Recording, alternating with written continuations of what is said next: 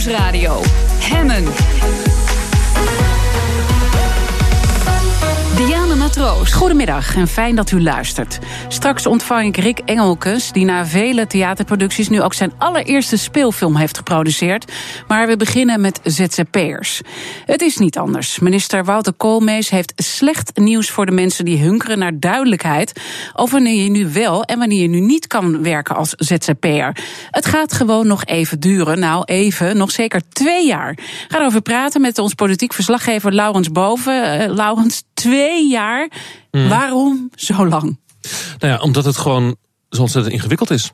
ze hebben, het vorige kabinet heeft geprobeerd de problemen met de ZZP'ers, eh, de afschaffing van de VAR, hebben ze geprobeerd op te lossen met modelovereenkomsten en het dan via de Belastingdienst te laten lopen en dat daar dan de toets plaatsvindt. Is er sprake van schijnzelfstandigheid of is er sprake van uh, echt ondernemerschap? Ja, en dat liep vast, hè? dat weten we natuurlijk allemaal. Dat is alweer enige tijd geleden. En sindsdien wordt er dus niet gecontroleerd op of mensen schijnzelfstandig zijn of ondernemer. En uh, ja, het kabinet is erachter gekomen, het nieuwe kabinet, dat het de oplossing toch echt is wijziging van wetten. Ja, en dat, uh, dat duurt. Dus Wouter Koolmees, de minister van Sociale Zaken, die zegt uh, nog even geduld. Oh, wacht even, er gaat iets mis. Ik moet hem wel aanzetten natuurlijk. Komt ie. Wouter Koolmees. En ik begrijp heel goed dat dit heel ver weg voelt. Maar voor dergelijke grote aanpassingen is er wetwijziging nodig, is er aanpassing in de uitvoering nodig, in de handhaving nodig. Uh, dus het is, is, al een ambitieuze doelstelling om te mikken op 1 januari 2020. Ja, en uh, vergeet ook niet dat ze natuurlijk niet het nog een keer in de soep willen laten lopen. Hè, zoals het ging met de modelovereenkomsten. Dus de oplossing die nu in de maak is, die moet ook werken. Nou, en om dus ook te zorgen dat iedereen aan boord is bij het, de oplossing die ze bedenken, gaan ze dus ook praten. Dat gaan ze in januari doen. In eerste instantie ook met de ZZP-organisaties. En reken maar dat vakbonden en de werkgevers en de hele rattenplan van de, de Nederlandse polder zal langskomen. Dit moet een project worden waar iedereen bij betrokken is. Ja, en dan wetgeving. Dus reken maar uit, het is gewoon nog zeker twee jaar. Het gaat dus nog heel lang duren. Ik weet er natuurlijk alles van. Ik heb jaren ZZP-café gepresenteerd. Dus dit onderwerp kwam elke week weer voorbij. Als we dan even na 2020 kijken, weten we dan überhaupt al hoe we dan moeten gaan werken?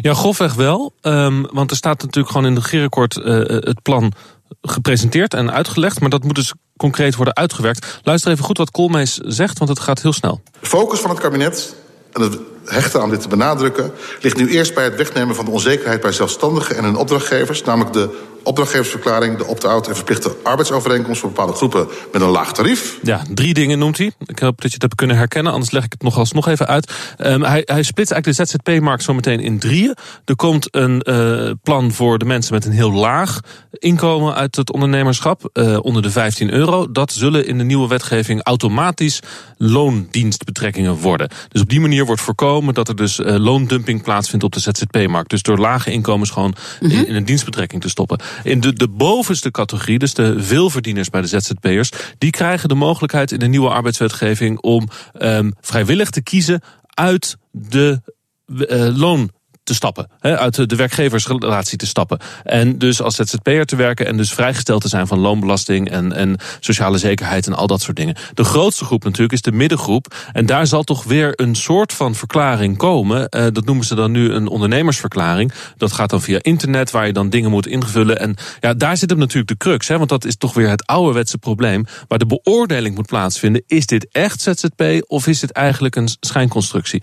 Nou, en uh, daar zal het meeste werk in zitten. Dus het opstellen van de criteria, het opstellen van een procedure en een webportal en handhaving bij de Belastingdienst. Over die schijnzelfstandigheid gesproken in de tussentijd, want dit is nog heel uh, ver weg. Gaat Koolmees wel handhaven op die schijnzelfstandigheid? Ja, dat is een goede vraag. Dat is echt een beetje een ingewikkeld punt waar uh, PvdA-Kamerlid Van Dijk graag wat over wilde weten. Wat er in de tussentijd gebeurt. Maar we leven in een soort niemandsland. En daar hebben met name de schijnzelfstandigen hebben daar last van. We hebben hier in de Kamer ook gisteren over Deliveroo gesproken, over de fietsbezorgers.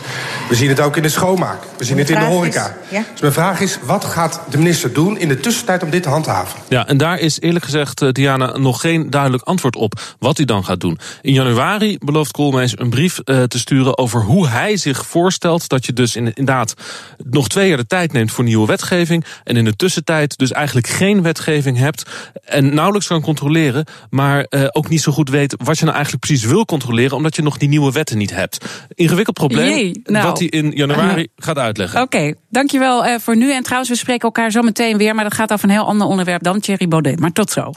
BNR Nieuwsradio. Hemmen. Na 24 jaar komt er vandaag een einde aan het Joegoslavië-tribunaal. Vanmiddag dan is de officiële sluitingsceremonie in de Ridderzaal in Den Haag. En over deze bijzondere dag ga ik praten met Joris Voorhoeven, minister van Defensie, ten tijde van de oorlog in Joegoslavië. Allereerst, eh, meneer Voorhoeven, hoe kijkt u terug op deze periode? Het is uitstekend werk dat uh, de VN eh, heeft gedaan door dit tribunaal in te stellen. Uh, dat is uh, een unieke verbetering in het uh, internationale recht en ook in de politiek geweest. Dat zal doorwerken in de toekomst.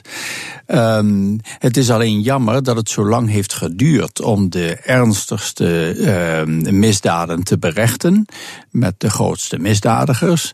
Ehm, maar dat komt omdat zij zich schuilhielden en aanvankelijk de regeringen van Servië en van de Republika Srpska, dat is een onderdeel van Bosnië, uh, niet wilden meewerken. Maar uiteindelijk hebben ze deze uh, verdachten uitgeleverd. Het is dus een lange periode geweest. Wel goed dat het is gebeurd. Wat is volgens u dan het belangrijkste dat het tribunaal heeft bereikt in die hele periode?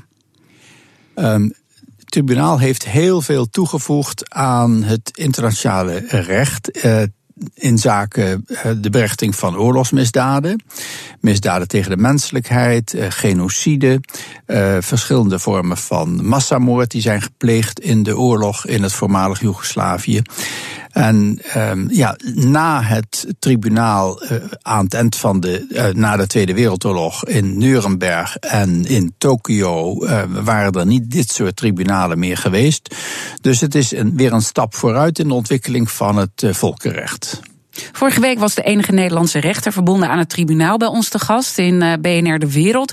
En hij zei het volgende. Laten we even luisteren. Je kan niet de illusie hebben dat iedereen, en ik praat over ongeacht welke partij in het conflict, dat iedereen die zich misdragen heeft berecht wordt. Eh, daar is geen sprake van. Daarvoor zijn het er veel en veel te veel geweest. Niet iedereen kan berecht worden. Bent u het met hem eens? Ja, uh, dat is zo. Uh, het tribunaal heeft uh, de belangrijkste verdachten wel kunnen berechten. Maar er zijn natuurlijk heel veel mensen die hebben meegedaan aan de uitvoering van de massamoorden die zijn gepleegd. Die zouden moeten worden berecht ehm, in de landen waar zij wonen. Um, ze kunnen, denk ik, in enkele andere landen ook nog worden berecht. Als die landen een uh, rechtsstelsel hebben wat het mogelijk maakt om in het buitenland gepleegde oorlogsmisdaden misdaden, uh, te, te berechten. Uh, maar het allerbeste zou zijn als Servië en de Republika Srpska zelf deze maatregelen nemen. Hetzelfde geldt trouwens ook voor Kroatië en Bosnië, want van alle drie kanten zijn er oorlogsmisdaden gepleegd. Maar toch heeft heeft u er vertrouwen in dat dit dan uh, op een goede manier afloopt? Dat ze daar dus ook echt berecht gaan worden als het gaat om die openstaande zaken? Ik zou dat vertrouwen graag uitspreken, maar dat heb ik niet. Want um, de, de regeringen en uh, ook de rechtsstelsels van uh, de drie landen uh, voldoen nog niet aan de eisen van een objectieve aanpak van deze problematiek. Um, er is veel nationalisme en, en wederzijds discriminatie, wat een goede aanpak moeilijk maakt. Sommige oorlogsmisdaden worden ook nog steeds vereerd in deze landen als grote helden. En soms is er ook kritiek op het tribunaal dat wij dit als Westen allemaal hebben opgelegd aan de regio daar, terwijl ze er daar dus in eh, sommige gevallen heel anders naar kijken. Hoe kijkt u daarnaar? Het heeft niets met het recht van het Westen te maken. Het is het internationale recht. Um, het tribunaal is ingesteld uh, door de Veiligheidsraad, uh, waar 15 landen deel van uitmaken. Ook niet-westerse ontwikkelingslanden, ook uh, Rusland.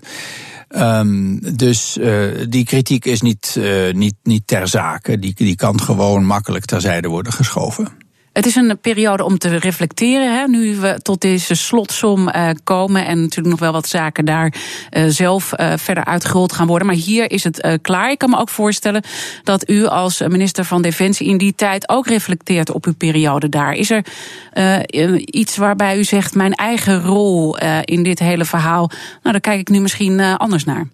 Ik kijk er niet anders naar. Natuurlijk reflecteer ik uh, daarover. Ik heb uh, wat ik um, allemaal wist uh, en veronderstelde uh, gepubliceerd uh, twee jaar geleden.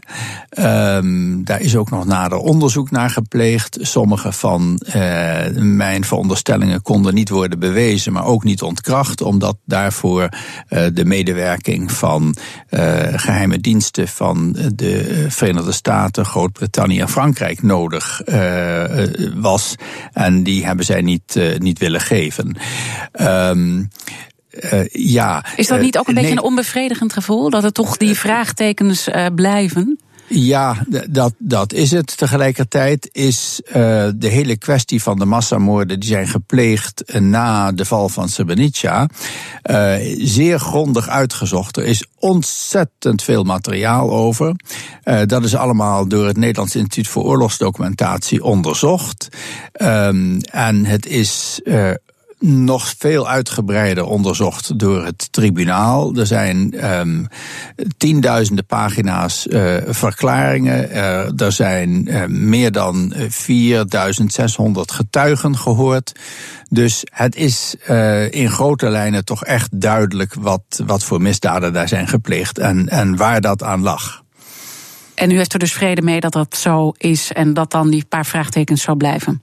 Ik zou niet zeggen vrede, um, want uh, dat kun je niet hebben met uh, de, de afloop van dit vreselijke, vreselijke drama. En het, uh, wat goed is, is dat het een hele belangrijke les is. Um, waar de hele wereld uh, zijn voordeel mee kan doen, waar men probeert uh, het internationale recht toe te passen en uh, preventief op te treden en oorlogen te dempen en zo snel mogelijk te beëindigen. De belangrijkste taak op dat gebied ligt nou bij het internationale strafhof, dat vooral een aantal Afrikaanse zaken onder zich heeft. En um, dat strafhof moet worstelen met heel veel beperkingen die uh, in de loop der tijd hopelijk worden opgelost. Dank uh, voor uw verhaal. Joris Voorhoeven, oud-minister van Defensie. De gipsvluchten uit de skigebieden zitten vol met mensen die iets aan hun knie mankeren. Hoe dat komt, hoort u zo meteen. BNR Nieuwsradio. Iedere dag bespreek ik wat trending is op social media. En vandaag zijn dat de knieën van skiers. Want als je valt in de sneeuw is de kans dat je iets oploopt aan je knie het grootst. Dat blijkt uit onderzoek van de verzekeraar Europese Verzekeringen. Ik ga daarover praten nu met Bert Romani. Hij is van de Nederlandse Skivereniging. Waarom zijn juist je knieën het meest kwetsbaar? Ja, goedemiddag. Ja, de knieën zijn kwetsbaar omdat de knieën het eerste vrije gewricht is boven de skischoen. En de kwaliteit van de tegenwoordige skischoen is zo goed dat de voet daar zo vast in zit dat die enkel en het onderbeen eigenlijk geen kant meer uit kan.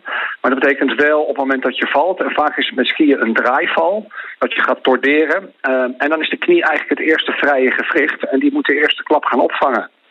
Heel logisch dus eigenlijk? Ja, heel logisch. En, en uh, ja, daarom is het zo belangrijk dat, dat je de bovenbenen heel goed traint. Want die spiermassa die dan om die knie sterker wordt, die houdt dat gewricht dan ook beter op zijn plek. En, uh, en dan loop je minder blessures op. Dus dat is heel erg belangrijk, die bovenbenen dus uh, goed trainen. Kun je nog ja. iets uh, voorkomen op het moment dat je, nou ja, je hebt wel zo'n moment dat je denkt, oei, nu ga ik vallen. En uh, wat kan je dan het beste doen om die knieën een beetje te beschermen? Ja, zo ontspannen mogelijk vallen. Probeer het vooral niet tegen te houden. Ja. Want dat is, dat, daar ben je redelijk kansloos in. Hè. Dat gaat toch door. Maar dan is het leed vaak al geleden. Je moet echt proberen om niet in die situatie te komen dat die knie zo uh, in, die, in die rare stand komt. En dat hangt ook wel heel vaak samen met eigenlijk twee dingen. Dat is enerzijds de condities van de sneeuw. Nou, daar kunnen we nu heel positief over zijn, want er ligt fantastisch sneeuwdek in de Alpen. Dus uh, dat, dat werkt altijd mee. Hè. We zien in goede sneeuwjaren ook minder blessures. En het andere is het grootste stukje skitechniek. En we zien toch dat Nederlanders relatief te weinig les hebben genomen of te weinig les nemen. En een goede techniek voorkomt vooral ook dat je in situaties komt dat het misgaat.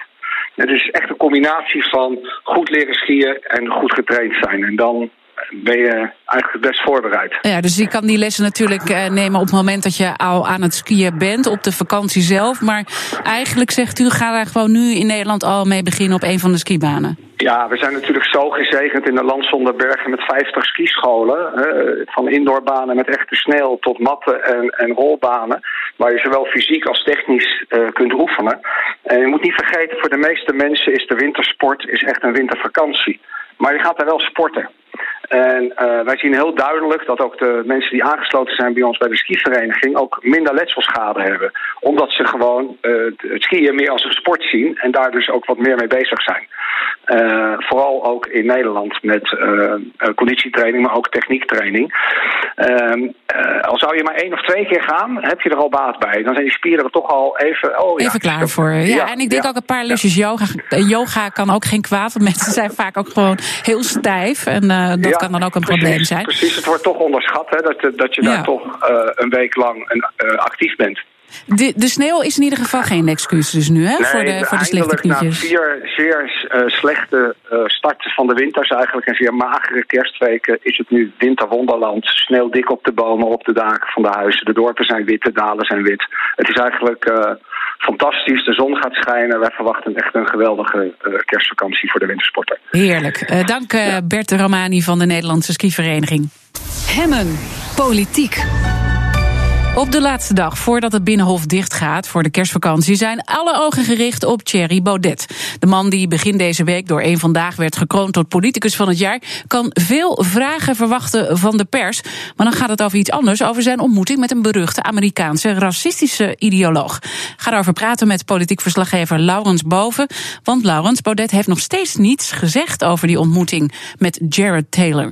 Nee, eh, dat klopt. Eh, Diana heeft een, uh, gisteren een schriftelijke verklaring gegeven. En ik was gisteren aan het eind van de dag nog even bij de woordvoerder van Baudet. Want Baudet was gisteren zelf niet hier in de Tweede Kamer.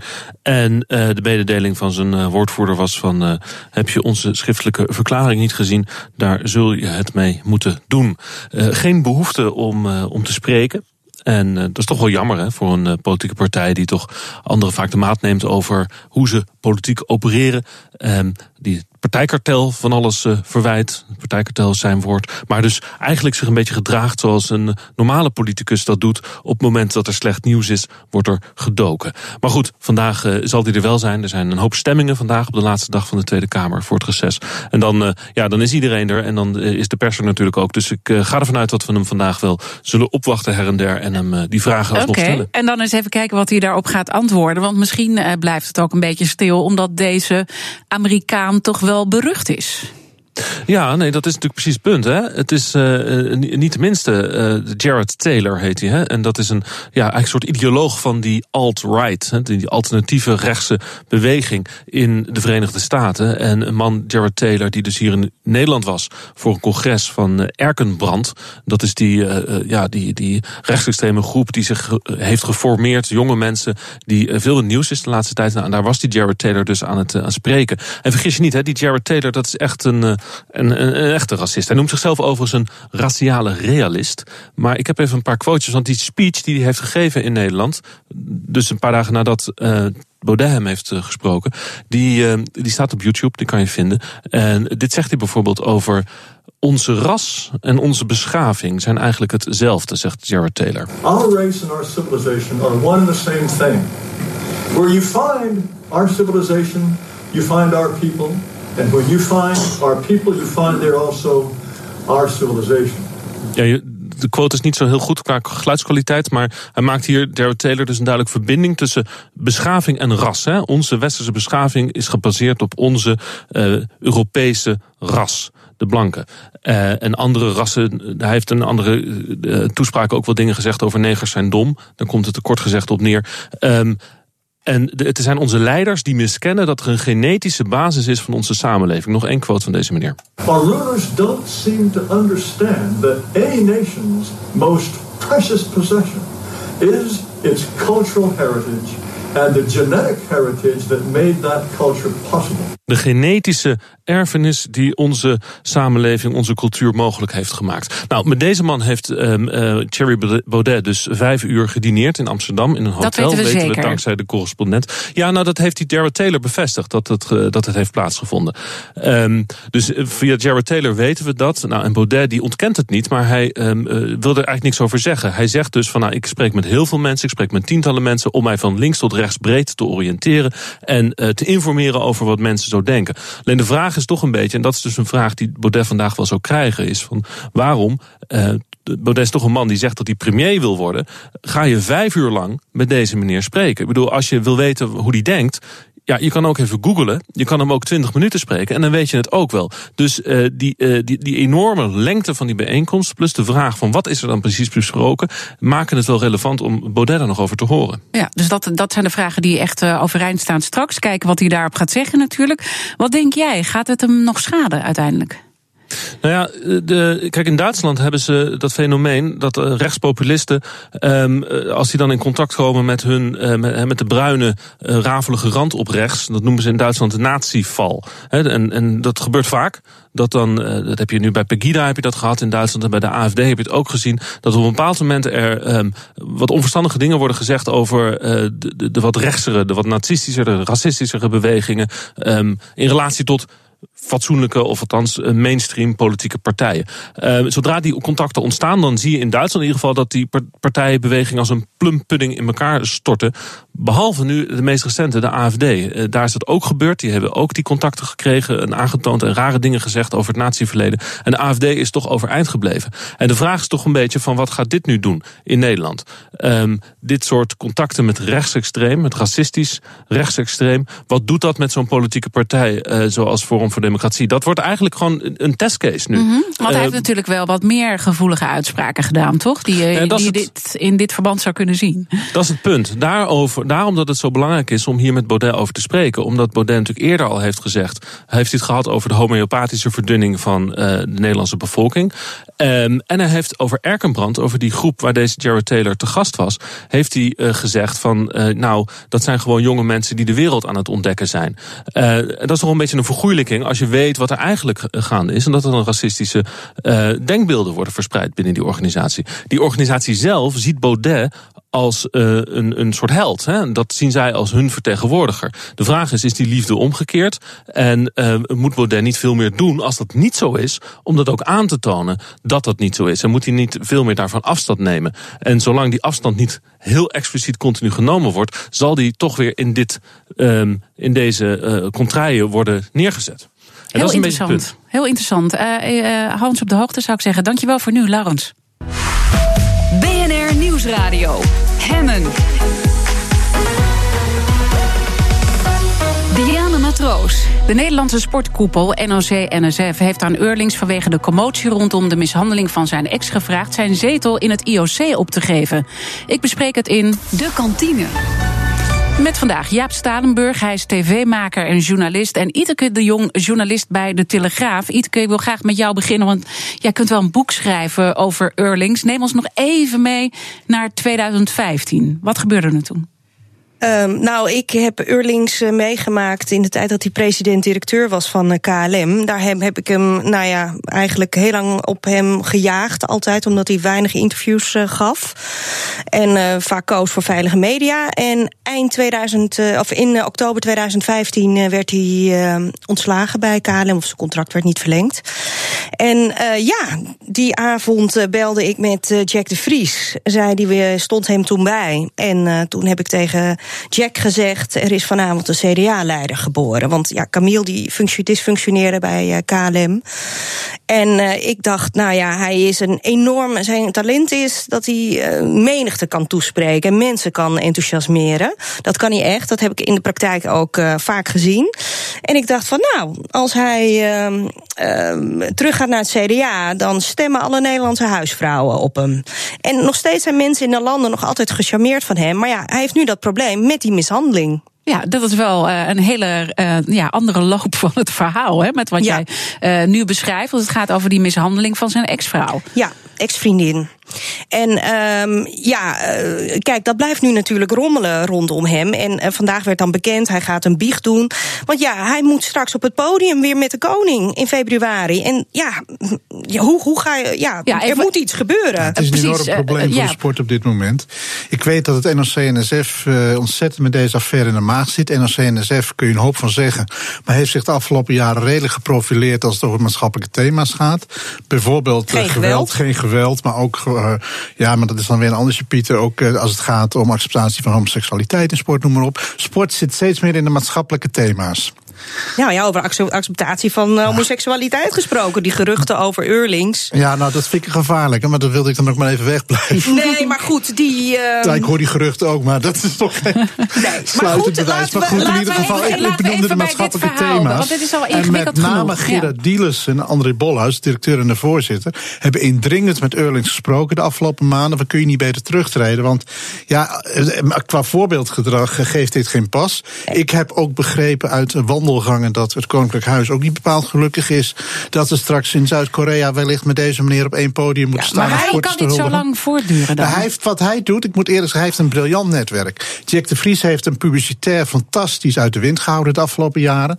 Er werden zelfs dames ingevlogen naar Rio om met hem over een boulevard te wandelen. Daar was hij bij, is fantastisch. Jack verdient daar echt alle credits voor. Hij had de beste advocaat van Nederland, Geert-Jan Knoops, die hem juridisch fantastisch door het mijnenveld geleid heeft langs met deze dame. En hij heeft de briljante mannetjesmaker Jan Driessen, die overal waar die, waar die maar een podium krijgt, roept dat Camille Eurlings zo onschuldig is als een pasgeboren baby. Maar ik merk nu wel heel sterk, ik zie dat op social media, dat toch mensen wel iets hebben van: dit is overdone. Als je een topadvocaat neemt en je doet het. Ik dan moet me af wie dat betaalt Wie betaalt dit inderdaad? Want Zou hij, het de KLM hij, kunnen zijn? Nog steeds? Dat zijn, hij heeft een, officieel heeft hij een afkoopsom gekregen van één jaar salaris. En dat is inmiddels uh, zeg maar voorbij. Maar het biechtverhaal eh, is binnen het NOC-NSF, uh, eh, denk ik, ik weet ik wel zeker, niet heel goed gevallen. Want uh, ja, eigenlijk wil men van hem af. Maar hij, heeft, hij zit op dit plus. Maar kunnen ze hem niet ontslaan dan? Nee, hij zit, nee, IOC, hij zit bij het IOC. Ja. En ja, als je bij het IOC bent, dan word je met auto's, met motoragenten ervoor, word je door steden gereden. Je bent voor het leven hij benoemd. Hij geniet van de glamour. Dat had hij als minister ook al. Hij vierde het feit dat hij minister was. Hij vond vooral zeg maar, de buitenkant heel leuk. Mensen toespreken, gefeteerd worden. En ja, ik ben inhoudelijk niet zo goed op de hoogte als Iteke, dus ik laat me nog even buiten. En die buitenkant, die, ja, die speelt met IOC natuurlijk ook. Hij zit straks bij, bij de Olympische Spelen, mag hij weer gouden medailles mm, uitreiken. Maar, maar, maar, maar, er zijn natuurlijk uh, grenzen. Wat, wat, wat weten we nu even feitelijk? Nou, hè, van wat hij wel IOC, of niet uh, heeft gedaan? Nou ja, uh, hij heeft een, een, een strafbaar feit gepleegd. Want hij heeft een, een werkstraf. Daar heeft is Jan hij uit. niet mee eens, Daar is het Jan Driessen. Nee, want hij is toch onschuldig. Nou ja, dat blijft natuurlijk heel moeilijk. Kijk, en je kunt dat natuurlijk helemaal juridisch uh, uh, af, afpellen.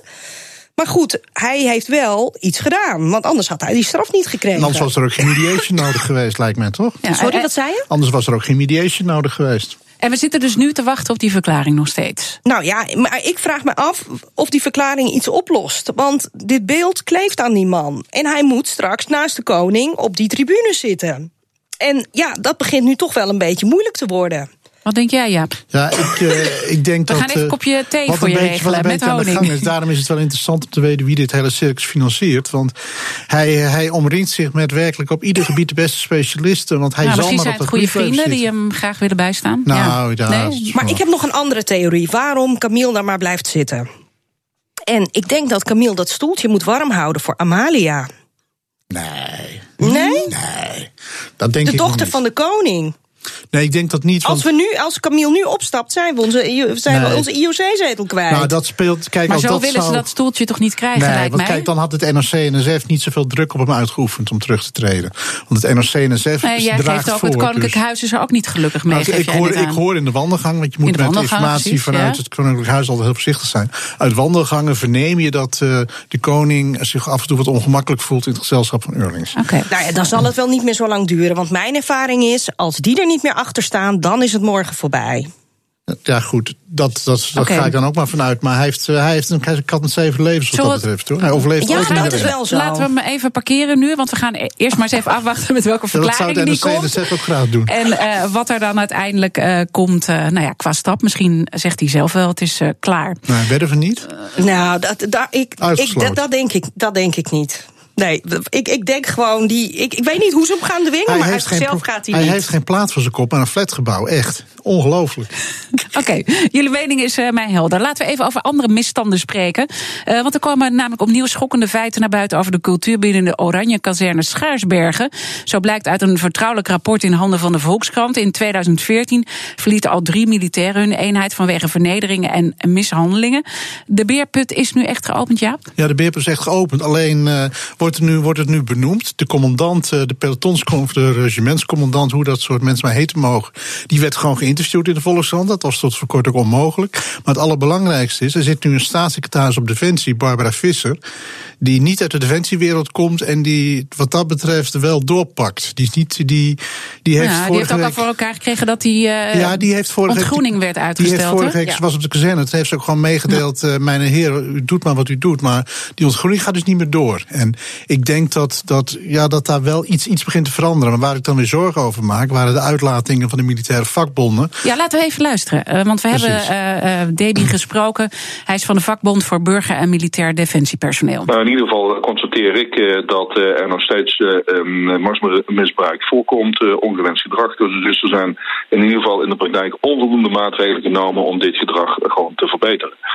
En uh, dat is een van de redenen waarom uh, dat, uh, dat wij al veel eerder als vakbond hebben gezegd van luister, er moet gewoon een kwalitatief onderzoek komen naar de gedragingen bij het 11e, 12e en 13e bataljon van de luchtmobiele brigade.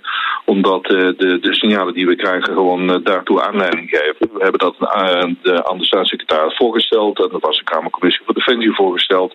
Maar tot op heden is dat niet gerealiseerd. Hij wil dus onderzoek en heeft meerdere malen zorgen geuit. En waar maak jij je dan zorgen over, ja? Nou, ik maak me zorgen over het feit dat, uh, dat blijkbaar dat het zo in het DNA van, van, dat de, van een deel van het defensieapparaat verankerd is. Dat ondanks een, een aanpak vanuit het ministerie, die volgens mij best gericht is op, op, om, om dit te voorkomen. Ondanks een, een brigadecommandant die een heel aardig interview had, die zoiets heeft: iedereen die stelt problemen kan bij mij aanbellen. Dat daar in de lagere echelons nog steeds het besef is dat dit er gewoon normaal bij hoort. Dat baart mij zorgen, want dat verander je niet heel snel. Nee, dat is uh, een cultuurverandering. Dat is een van de lastigste dingen die uh, in de praktijk uh, te doen zijn.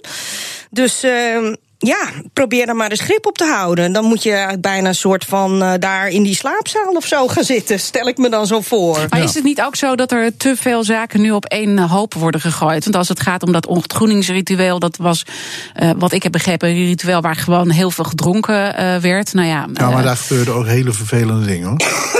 ja, maar dat hoeft niet altijd te gebeuren. Hè? Dus nee, ik denk maar ook, dat je die ook dingen moet scheiden. Ja, met die hellen en met stokken in Hm. anussen duwen. Echt, echt. Ja, Nou, nee, echt. nee, nee, ja, hou, Afschuwelijk. Ja. Maar ik denk van ja, god, ze kunnen er toch wel een cameraatje op hangen en dan een. Uh, een, Maar het een- gebeurt een- niet overal, hè? Want Nee, er maar het zijn zit vooral in natuurlijk. de machtsstructuur. Kijk, wat ze, wat ze nu doen is dat de corporaties niet meer bij de soldaten slapen. Dat kan al een belangrijke aanzet zijn, want het zit altijd in die macht. Ja. Nou ja, maar goed, ik denk nog steeds met een camera en een, eh, een, een keihard eh, afstraffingsbeleid kom je toch een heel eind? Ja, maar zitten, voor heel veel van die ontgroeningsrituelen zijn gewoon buiten in het bos. Dus Oh ja, nee, maar ik Wat had voor het nu over de verklaring hebben jullie dan voor het feit dat het eh, maar bij bepaalde onderdelen is dat deze misstanden Omdat er plaatsvinden? kennelijk een aantal van die baasjes zitten die dit kennelijk tolereren. ja.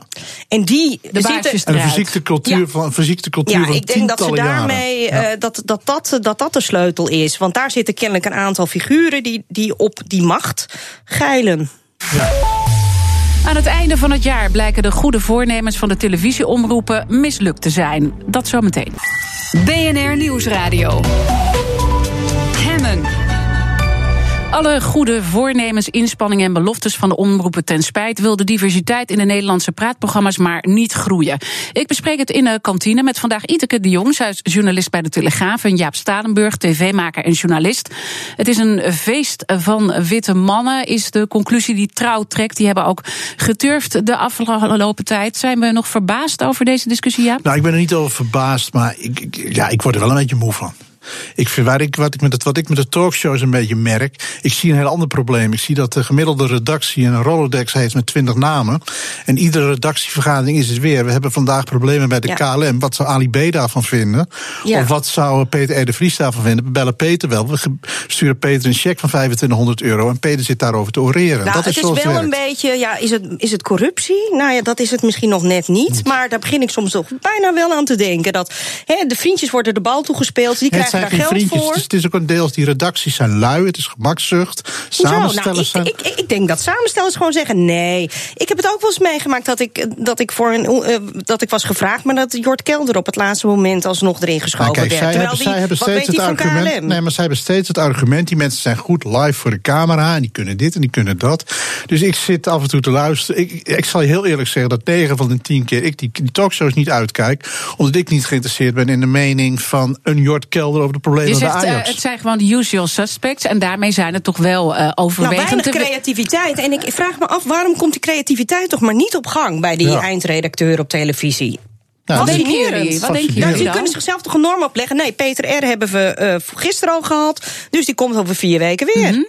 En, en jullie zeggen, oké, die Rolodex die moet echt uh, opgeschoond worden. Maar dan klopt de conclusie toch wel van trouw dat het overwegend witte mannen ja, zijn. Is dat, dat nou zijn is, dat, is, dat, is dat dan verrassend onderzoek? Kijk, ik voel me eens langzamerhand als witte man af en toe gediscrimineerd. Want ik hoor steeds het feit dat witte mannen dominant zijn. Dat, waar het ook over gaat, van pensioenen tot tv blijkbaar. Maar ik, ik, vind, ik vind het, kijk, er zijn discussies. Ja, jij kan daar niks aan doen. Maar het gaat erom dat uh, redacties uiteindelijk een nou, keuze moeten maken wie ze uitnodigen. Wat moeten ze anders doen? Ik vind dat redacties met name inhoudelijk moeten kijken. Wie heeft het beste verhaal op het beste onderwerp? En dat je daar dan diversiteit bij afweegt, vind ik prima. Maar om nou iedere avond met een stopwatch voor de tv te zitten... om te kijken of, uh, of de diversiteit uh, voldoende nou ja, tot zijn maar, maar de deskundeloos, de, de, de deskundige die dan, hè, wat jij zegt, Ali B.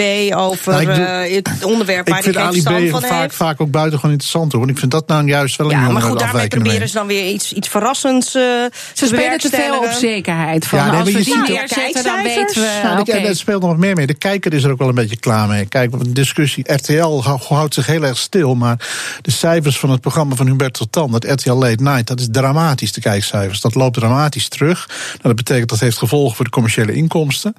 Dat komt vooral omdat de kijker klaar is met al die BN'ers die als een soort incestueus hun eigen programma's gaan zitten promoten. En ik zie die plaag zo langzamerhand ook een beetje ja, overslaan. En, en dan zeggen jullie nu is het luiheid, laksheid. Hoe doorbreek je dit nou? Want er wordt al zo lang over gesproken. Publieke omroep misschien?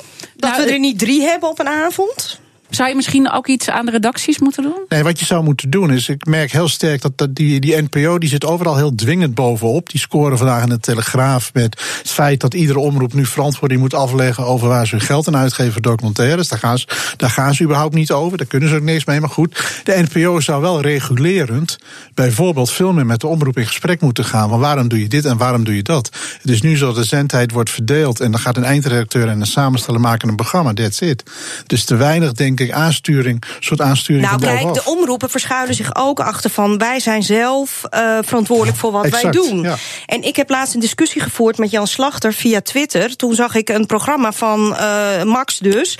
En dat was een kopie van het muziekfeest op het plein van um, de Tros. Maar dan met allemaal uh, nummers uit de jaren zeventig. Dus toen heb ik aan Jan Slachter gevraagd via Twitter: wordt dit nou uit publiek geld? Waarom doe je niet iets interessanters met, met je middelen? Nee, dit wordt uit de, de, de ledenbijdrage betaald, zei hij. Dus ja, het was amusement uh, bij de publieke omroep, wat in mijn ogen weinig onderscheidend was. Maar goed, dat zal de eeuwige discussie blijven. Dus er zal iets moeten gebeuren om dat, te doorbreken. Ja, maar ik denk dat daar hebben we juist. Kijk, ik was nooit zo'n heel groot voorstander van dat bureaucratische NPO-orgaan. Maar laat, laat, laat Martijn van Dam en al die anderen die daar nu uh, in zo'n kantoor interessant aan het doen zijn. Laten die eens met die eindredacteur. Martijn van Dam, hoe staat hij eigenlijk? Ja, die is, die is NPO. Ja, nee, weet en, ik. Maar je zegt die moet er mee aan de slag gaan. maar wat moet hij doen dan? Ik denk dat, kijk, ze hebben er niets over te vertellen, maar je kunt wel een kritische dialoog met elkaar voeren. Die kritische dialoog over talkshows, die wordt nu vooral via bijvoorbeeld de Telegraaf gevoerd en via Twitter gevoerd. Maar ze trekken zich er niets van aan. Ik bedoel, het hele verhaal van die BN'ers, de walkeert het schip. Ik vertelde hm. het net over RTL Late Night. De kijkers ja, die zullen dan nu wel op een ander spoor gaan zitten. Maar je, merkt, je merkt geen enkele reactie. Kijk, ik jongens denk dat je gewoon de, de redacties diverser moet maken. Of het nou uh, om man, vrouw en ook op de posities. Ja, dan kom je op andere ideeën. Uh, cultureel divers maken. Want dan kom je gewoon tot andere. Ja, dat komt wel, want de, redacties maken de keuzes. die eindredactie, je moet ook de eindredactie diverser maken. Je moet met name in de mensen die, die wat te vertellen hebben. Want die redacties, ja, er zitten allemaal brave jongens en meisjes op flexcontractjes. die vandaag bij Jinek werken en morgen bij Humberto Tan. En dat is echt zo. Nee, maar ik ben het met je eens. Ook eh, eindredactieplekken, hoofdredacteuren. Ik bedoel, daar moet gewoon meer diversiteit komen. En dan ontstaat er vanzelf een ander netwerk en een ander beeld. De journalistieke luiheid zit bij de talkshows. Ik ga uh, de kantine dichtgooien. Heel erg veel dank. Jaap Stadenburg, tv-maker en journalist. En Iteke de Jong, journalist bij de Telegraaf. Hemmen, podcast Elke twee weken hebben we namelijk aandacht voor podcasts met uh, Aniek van der Leeuw. Zij is eindredacteur podcast hier bij BNR. En we hebben twee nieuwe BNR-podcasts zijn er de afgelopen twee weken online gekomen. Vertel. Nou, als eerste de grote Data Podcast Roadshow. Mooie mondvol. En Petrolheads. Dat zijn twee totaal verschillende podcasts. Maar we beginnen met de grote Data Podcast Roadshow. Die gaat namelijk over de GDPR. De General Data Protection Regulation. Zak je de moed al in de schoenen? Kijk, nee, je, je, hebt mijn interesse gewekt. Ah, gelukkig. uh, maar vandaar dus ook de naam van de podcast. Want dat is gelijk met uh, deze uh, mooie richtlijn. Die is van de Europese Unie. de minder bekende Nederlandse naam is de verordening gegevensbescherming AVG. Ben je er nog steeds? Ik ben er nog steeds. Ja, ja, maar ik, heb, ik kan heel goed luisteren. De, uh, het is wel een hele superbelangrijke wet. Want die legt uh, de, vast hoe bedrijven moeten omgaan met jouw data, met mijn data, met hun eigen data. En elke ondernemer, elk bedrijf, elke organisatie, maar ook de overheid, moet vanaf mei volgend jaar precies kunnen aangeven wat ze met die data Kijk, nu doen. begint het helemaal interessant te worden. Ja, en uh, wat ze ermee, ze moeten kunnen zeggen wat ze ermee doen, hoeveel ze hebben, of ze het allemaal nodig hebben, hoe je dat moet beschermen. Nou, dat is natuurlijk een enorme klus, maar als Ben van den Burg in deze podcast je meeneemt op weg naar mei 2018, want dan moet je je zaakjes voor elkaar hebben, dan is het geen moeten meer maar willen. En dit is een fragment waarin hij praat over deze nieuwe privacywet met D66 Europarlementariër Sophie in het veld. Welkom Sophie. Hallo. Hallo. Is het, de, is het jouw debuut in een podcast? Is dat de eerste keer van je leven? Uh, nou, dat zou best wel kunnen, ja. Oh, ja. Dan hebben wij de eer, wat goed zeg. Oké, okay, dus die eerste vraag. Welk probleem lost de GDPR eigenlijk op? Nou, we, kijk, er is op dit moment bestaat er al uh, een Europese wet voor de bescherming van uh, onze privacy. Ja. Maar die wet die, uh, die is uit 1995. nou, er wordt wel eens gezegd dat was het jaar dat Mark Zuckerberg van Facebook 11 was. Dus je kan je me ongeveer voorstellen hoe lang geleden. het internet bestond toen, toen nog maar net ter oude nood. Dus het was heel duidelijk dat die wet aan modernisering toe was. en dat was de reden om, ja, om die wet te herzien. Uh, te vinden op bnr.nl slash GDPR of GDPR. Dat nou, werkt ook.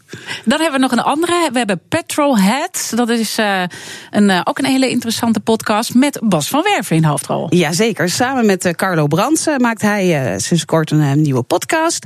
Brands is de hoofdredacteur van Car Caros. En kijk, Bas en Carlo die kennen elkaar dus al heel erg lang. En ze delen één grote passie: auto's. Zij praten altijd over auto's. Maar nu mogen wij meeluisteren. Hoe leuk is dat? Leuk. Want ze zijn door de jaren heen echt automaten geworden. Zo zitten er wel meer van dat soort woordengrapjes in. En uh, ze praten dus over alles op vier wielen. En het heet dan ook heel toepasselijk petrolheads. En ze discussiëren over het nut van accessoires. Maar ze halen ook herinneringen op aan, aan auto's uit het verleden. En, en het fragment wat ik je laat horen vertelt Bas over zijn allereerste auto-ongeluk. Zijn moeder reed een Opel Kapitein 59 en Bas zat er als jong jochie naast. Ik zat op de voorbank, want hij had banken, net als een Amerikaan. Ik zat op de voorbank naast mijn moeder. Ik denk dat ik vijf of zes was. En wij rijden door Heemstede, waar we toen woonden. En uh, daar komt een mevrouw van links. En die had niet helemaal meegekregen dat je dan geen voorrang had. Dus die zet haar modeste automobiel voor de Opel Kapitein. Wat best een stevig stuk metaal was. En die, daar klapte mijn moeder vol op. Die heeft daarna het hele leven last van haar nek gehad. En ik lag toen in de, in de, in de voetenbak van de passagier. En ik heb nergens last van gehad. Hey, maar, maar, maar weet je hoe die auto heette? Even, dat was. Nee. De rijdende sigaar. Want? Hij was van de sigarenhandelaar in Heemstede geweest. En dat ding zag van buiten geweldig uit. Mijn vader had hem ook. Die kocht auto's zonder erin te rijden. Hij is zo genaaid destijds toen de verkoper. Dat was mijn oom, kan je nagaan. Hij heeft die auto natuurlijk nooit open gedaan. Hij heeft het ding gezien, dacht een kapitein voor weinig. Dat is een mooi ding voor mevrouw. Totdat het ding geleverd werd en dan trok je de deur open. En nou, dan liep je in een humidor die net afgefikt was. Echt niet normaal. Dat was echt. Dat is Fidel Castro hoorde je daar zonder dat hij aanstond. Dat was één grote Havana. Het is een heerlijk uh, programma, hoor ik hier al. Het is stink, hij is optimistisch, hè, altijd Bas. Ja, ja en, en, en super gezellig om, om mee te luisteren met die twee. En het is uh, vanaf nu uh, elke woensdag online vanuit de Petrolhead Office. En je mag trouwens zelf ook herinneringen aan auto's opsturen. Dat kan je doen via petrolheads.bnr.nl. En normaal sta je hier alleen, maar je hebt een collega meegenomen. Ja, ik heb een primeur voor je. Vind je daarvan? Vertel. Ik heb Roos Abelman meegenomen. Want wij gaan vanaf 8 januari een dagelijkse nieuwspodcast maken. Samen met de redactie van het Financiële Dagblad. Want we zijn immers één groot mediabedrijf hier in het huis in Amsterdam. En Roos gaat het produceren en presenteren. Hoe gaaf is dat? Ja, heel gaaf. Roos, vertel, wat ga je doen? Nou, we gaan dus elke dag een podcast maken van ongeveer 20 minuten. En degene die je gaat horen zijn de mensen die wij hier in huis hebben. Dus dat zijn onze redacteuren, onze verslaggevers, deskundigen, mensen met dossierkennis. Um, ik kan bijvoorbeeld een voorbeeld noemen. Ik heb, uh, ik ben natuurlijk druk aan het oefenen nu. um, ik heb onlangs uh, Roger Cohen geïnterviewd. Die werkt bij het FD en die weet alles over de luchtvaart. Nou, nu is uh, Twente, of uh, Lelystad Airport natuurlijk heel erg in het nieuws. En dan hoor je in nieuwsuitzendingen drie minuten wat over, over de laatste stand van zaken. Nou, wat heb ik met hem gedaan? Hij heeft namelijk nieuws gemaakt. Hij hoorde een uitspraak van uh, voormalig staatssecretaris Sharon Dijksma, die ging erover. En die had gezegd: in die industrie is niet voldoende kennis. En hij dacht: oké, um, dat lijkt mij wel nieuws. Ik ga uitzoeken of dat echt zo is. Dus ik bespreek met hem hoe hij tot dat nieuws is gekomen. Dat leer je dan van hem, hoe hij te werk gaat. En tegelijkertijd legt hij ons nog eventjes uit hoe het nou precies is gegaan met Lelystad Airport. Dat en dan nog één of twee andere interessante onderwerpen hoor je dan dus elke dag in de podcast. Wat heerlijk dat we van al die kennis uh, nog meer gebruik uh, kunnen maken. Super. Wanneer, vanaf wanneer is dit te horen? Ja, 8 januari. En uh, wij hopen dat mensen die soms dan even, kan me niet voorstellen, geen tijd hebben om de krant te lezen. Of geen tijd hebben om naar bnr.nl te luisteren. Maar wel even gaan joggen of toch de was moeten opvouwen. Zet deze podcast dan even aan. Dan kan je ook tegelijkertijd andere dingen doen. En ben je toch op de hoogte. Super. Dat is we, de gaan het, uh, we gaan het uh, luisteren vanaf uh, 8 januari. Dus uh, dankjewel, Aniek en Roos. Joep. BNR Nieuwsradio. Hemmen. Matroos. Rick Engelkes. Jaren geleden werd hij bekend als acteur in de Nederlandse soap Goede Tijden, Slechte Tijden. Maar nu staat hij toch vooral te boek als succesvol producent. Na vele theaterproducties heeft hij nu voor het eerst een speelfilm geproduceerd. En deze week ging deze film Huisvrouw bestaan niet in première. Is mama ongesteld? Kas. hey, als jullie dat nog één keer zeggen als een vrouw gewoon even niet vrolijk is, dan duik bij jullie allebei een tampon in je reet. En uh, Rick Engelke staat hier naast me en met een hele grote glimlach op het gezicht. Wat doet die film met je? Nou, die maakt me wel uh, heel erg blij. Het is een, hele vrolijke film, uh, een comedy, maar ook ontroerende momenten. En het is ja, uit het leven, leven gegrepen, zeg maar. Ja, er zitten ook wel wat feministische trekjes in, toch? Uh, ja, zo zou je dat kunnen zien. Ik denk dat het gewoon uh, is, uh, ja, dat het de tijdgeest van nu vertegenwoordigt. Wat vond je belangrijk om met die film te laten zien? Het is comedy natuurlijk, maar er zit toch ook wel een boodschap achter? Ja, het is dat, uh, dat je vooral laat zien uh, dat uh, de, zeg maar, nou, de, de verschillende generaties. zeg maar, een, het is een moeder en die komt echt uit de jaren zestig vrij, vrij gevochten. Die had ook weer haar verleden. Iedereen heeft een verleden. En daar maakt hij zich, probeert hij zich van los te maken. En die moeder heeft zich ook willen losmaken van de linnenkast. En, uh, en elke dag weten van uh, wat we s'avonds zouden eten. Dus van de, van, de, van de oma. En twee andere kinderen maken zich weer los van haar. Van haar. En eentje die wil juist, heeft hang naar, naar dat van vroeger. En de andere die zegt van uh, totale chaos. En die zit in de spitsuur van dit leven. Ja, en die wil eigenlijk werken, maar die heeft geen. die, is, die is ontslagen. Het is een zoektocht naar de moderne huisvrouw eigenlijk. Het is een zoektocht of die überhaupt nog bestaat. Of die bestaat. Wat is je conclusie zo? Nou, ik denk dat, we, dat het allemaal nog bestaat. Want uh, het is niet zo dat dat werk ineens allemaal weg is. Alleen we doen dat nu op uh, andere manieren. En, en we doen het nu veel meer samen. Dit is uiteindelijk uh, natuurlijk voortgekomen uit een theaterproductie. En daar sta je met name onbekend dat je heel veel theaterproducties al op je naam hebt staan. Waarom vond je het zo belangrijk om ook met een film te komen? Nou, omdat het een, een, een droom van me is. Eigenlijk is het uh, zo dat ik natuurlijk meer daar vandaan kom in het begin. Ik ben op televisie begonnen. Ik heb toen films gemaakt als acteur zijnde. Toen ben ik in het theater terechtgekomen. En ja, ben toen eigenlijk gaan maken wat ik zelf leuk vond om te spelen. En nou ja, dat is een beetje uit de hand gelopen. En op een gegeven moment dacht ik, ja, dat film, dat bleef natuurlijk toch waar gewoon, uh, gewoon aan me trekken. En ja, was toch eigenlijk gewoon een droom die ik probeerde te verwezenlijken. En dat, nou ja, dat hebben we dan nu gedaan. Ja, maar dan is toch de volgorde interessant. Waarom eerst via theater en dan pas naar de film? Terwijl je ja. zegt, eigenlijk kwam ik er vandaan. Nou, het interessante van theater is dat het een fantastisch laboratorium is om, uh, om daar uh, hele goede verhalen te, te maken. Want wij zijn wel een bedrijf die heel veel zelf ontwikkelen. En als je een script schrijft in het theater heb je één locatie, één plek. Dus dan gaat het echt om de dialogen en om de karakters die echt goed uitgewerkt moeten worden. Bij een film ga je natuurlijk steeds meer ook heel veel vertellen met beeld. En dus het mooie is, wat, bij, dit, bij, bij deze voorstelling, die hebben we dus in theater gemaakt, door het hele land gespeeld. Is ook een beetje een marktonderzoek, want je merkt dat het heel erg aansloeg en dat er heel veel vrouwen naartoe kwamen. Dus dan zie je, ja, die karakters die lenen zich ook wel heel erg voor een comedy of voor een film of voor een serie. Nou, en dan uh, ga je vanuit daar werken en heb, je alvast, en heb je dus alvast een hele sterke basis voor een goed script. En dan misschien leuk om ook even de hoofdrolspelers hier in de spotlight te zetten. Uh, het zijn er drie. Waarom moesten zij het worden? Nou ja, kijk, je kijkt altijd, het is altijd zo. Het, eh, een project probeer je in te vullen. En het is een beetje een puzzeltje die bij elkaar. Maar het is net als een goed gerecht. Dat, als, als, alles klopt, dan is, het, dan is het top, krijgt het een ster. En dat was hier ook zo. Dus je zoekt de, de twee dochters en de moeder. Dat moet echt een chemie zijn. En die moet echt van vlees en bloed zijn. Daar moet je van gaan houden als je daar naar kijkt. En dat, dat was hier. We hadden Jelka, Jelka van Houten, even van de Weideven. Dat was al fantastisch. Maar ja, als je dan de perfecte moeder daartussen vindt, als Loes Luca, ja, dan kan het niet meer stuk. En dan vanuit daar was het heel makkelijk invullen. En is het een kleurplaat die je verder invult met allerlei alle, alle andere bijrollen. Hij is uiteindelijk nu in première eh, gegaan. En dat lijkt me wel ook weer een heel spannend moment. Ook heel anders als dat je dat bij een theaterproductie hebt. Neem ons even mee hoe dat voor jou was. Nou, kijk, mijn theaterproductie is natuurlijk altijd een, een première. Dan, dan moet het op dat moment gaan gebeuren, live. En dan, uh, dan is de spanning groot achter.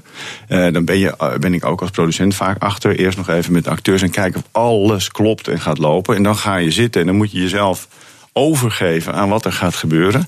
En dan kan het misgaan. Iemand kan, ja, die kan zijn tekst kwijtraken. Dus dat is, dan zit je daar toch wat meer op het puntje van je stoel. En denk van, oh, oké, als het nou maar, als het helemaal, als het nou maar helemaal vlekkeloos verloopt en bij een film, ja, die heb je van tevoren al gemaakt. Die heb ik natuurlijk al heel veel keer gezien, al in de montage. En bij elke, elke stap heb ik meegemaakt. En dan is er zo'n première. Ja, en dan, ja, dan mag je gewoon over de loper eh, lopen. En dan ben je eigenlijk als het ware ook wel ontspannen. Je denkt van nou, we gaan nu gewoon leuk naar een film kijken. Maar ja, dan ben je natuurlijk toch nog heel zenuwachtig. Want dan zit ik in de zaal en te kijken hoe de mensen reageren. Ja, hou even je punt, want we zijn een nieuwszender en we hebben dus breaking, breaking news. Uh, want zojuist is duidelijk geworden dat oud-NS-topman Timo Huges is vrijgesproken van fraude. Tegen hem was een jaar gevangenisstraf geëist. Maar dat is dus nu een uh, omgekeerd verhaal. Hij is vrijgesproken van fraude. Ja, dat uh, moeten we even tussendoor natuurlijk ja, uh, melden als uh, nieuwe zender. Maar we gaan snel weer terug naar jouw verhaal. Want het is toch wel eventjes dan heel spannend. En, en anders als je dus nou ja, bij de première van de film zit. En dan kan je opeens nou ja, niet relaxed, denk ik, tussen alle mensen zitten. Maar dan ga je wel heel erg kijken, denk ik, wat er gebeurt aan reacties. Ja, je kijkt heel erg van of de mensen lachen waar je zelf ook moet lachen. Maar en, en het grappige is, je, je kijkt met z'n allen, hè, alle acteurs die erin zitten, die zitten dan met jou gewoon in de zaal. En normaal gesproken staan ze op het podium. Dus je bent met elkaar, ook van tevoren. Het is, eh, ook de, de, de, de rode loper, die doe je allemaal met elkaar. Dus met theater natuurlijk niet, want dan zijn die achter. En dan heb je alleen maar de, de, de gasten die over de rode loper komen.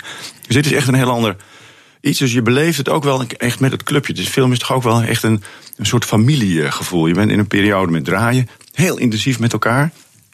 Ja, en dan is dit toch een beetje een feestje. En het feestje kan je wel iets meer zeg maar, met elkaar uh, beleven dan. Dan bij een theaterproductie, omdat iedereen dan nog heel druk live ja, op dat moment bezig is. Dan ben je echt heel erg druk uh, daar naartoe aan het leven. En dan komt de ontlading daarna natuurlijk. En, ja. uh, en wat was het moment dat je dacht, oh, hè, want je kijkt natuurlijk naar het gevoel in de zaal, dat je dacht, yes.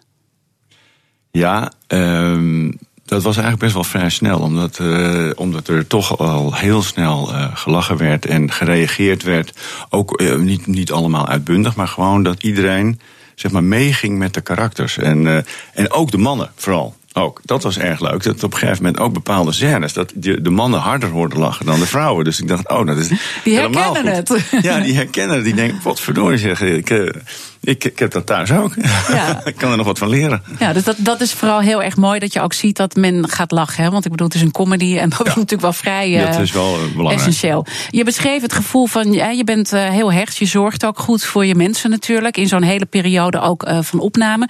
de redactie heeft natuurlijk nou ja, naar alles gekeken. En zag ook dat Kimna Casting degene was die de casting voor jullie heeft gedaan. Er is natuurlijk een hoop commotie over geweest met Job Godschalk. Die overigens al jaren natuurlijk niet meer voor Kemna casting werkt. Wat doet dat nog uh, met jullie als uh, ploeg? Heeft dat ergens op een bepaald moment geleefd?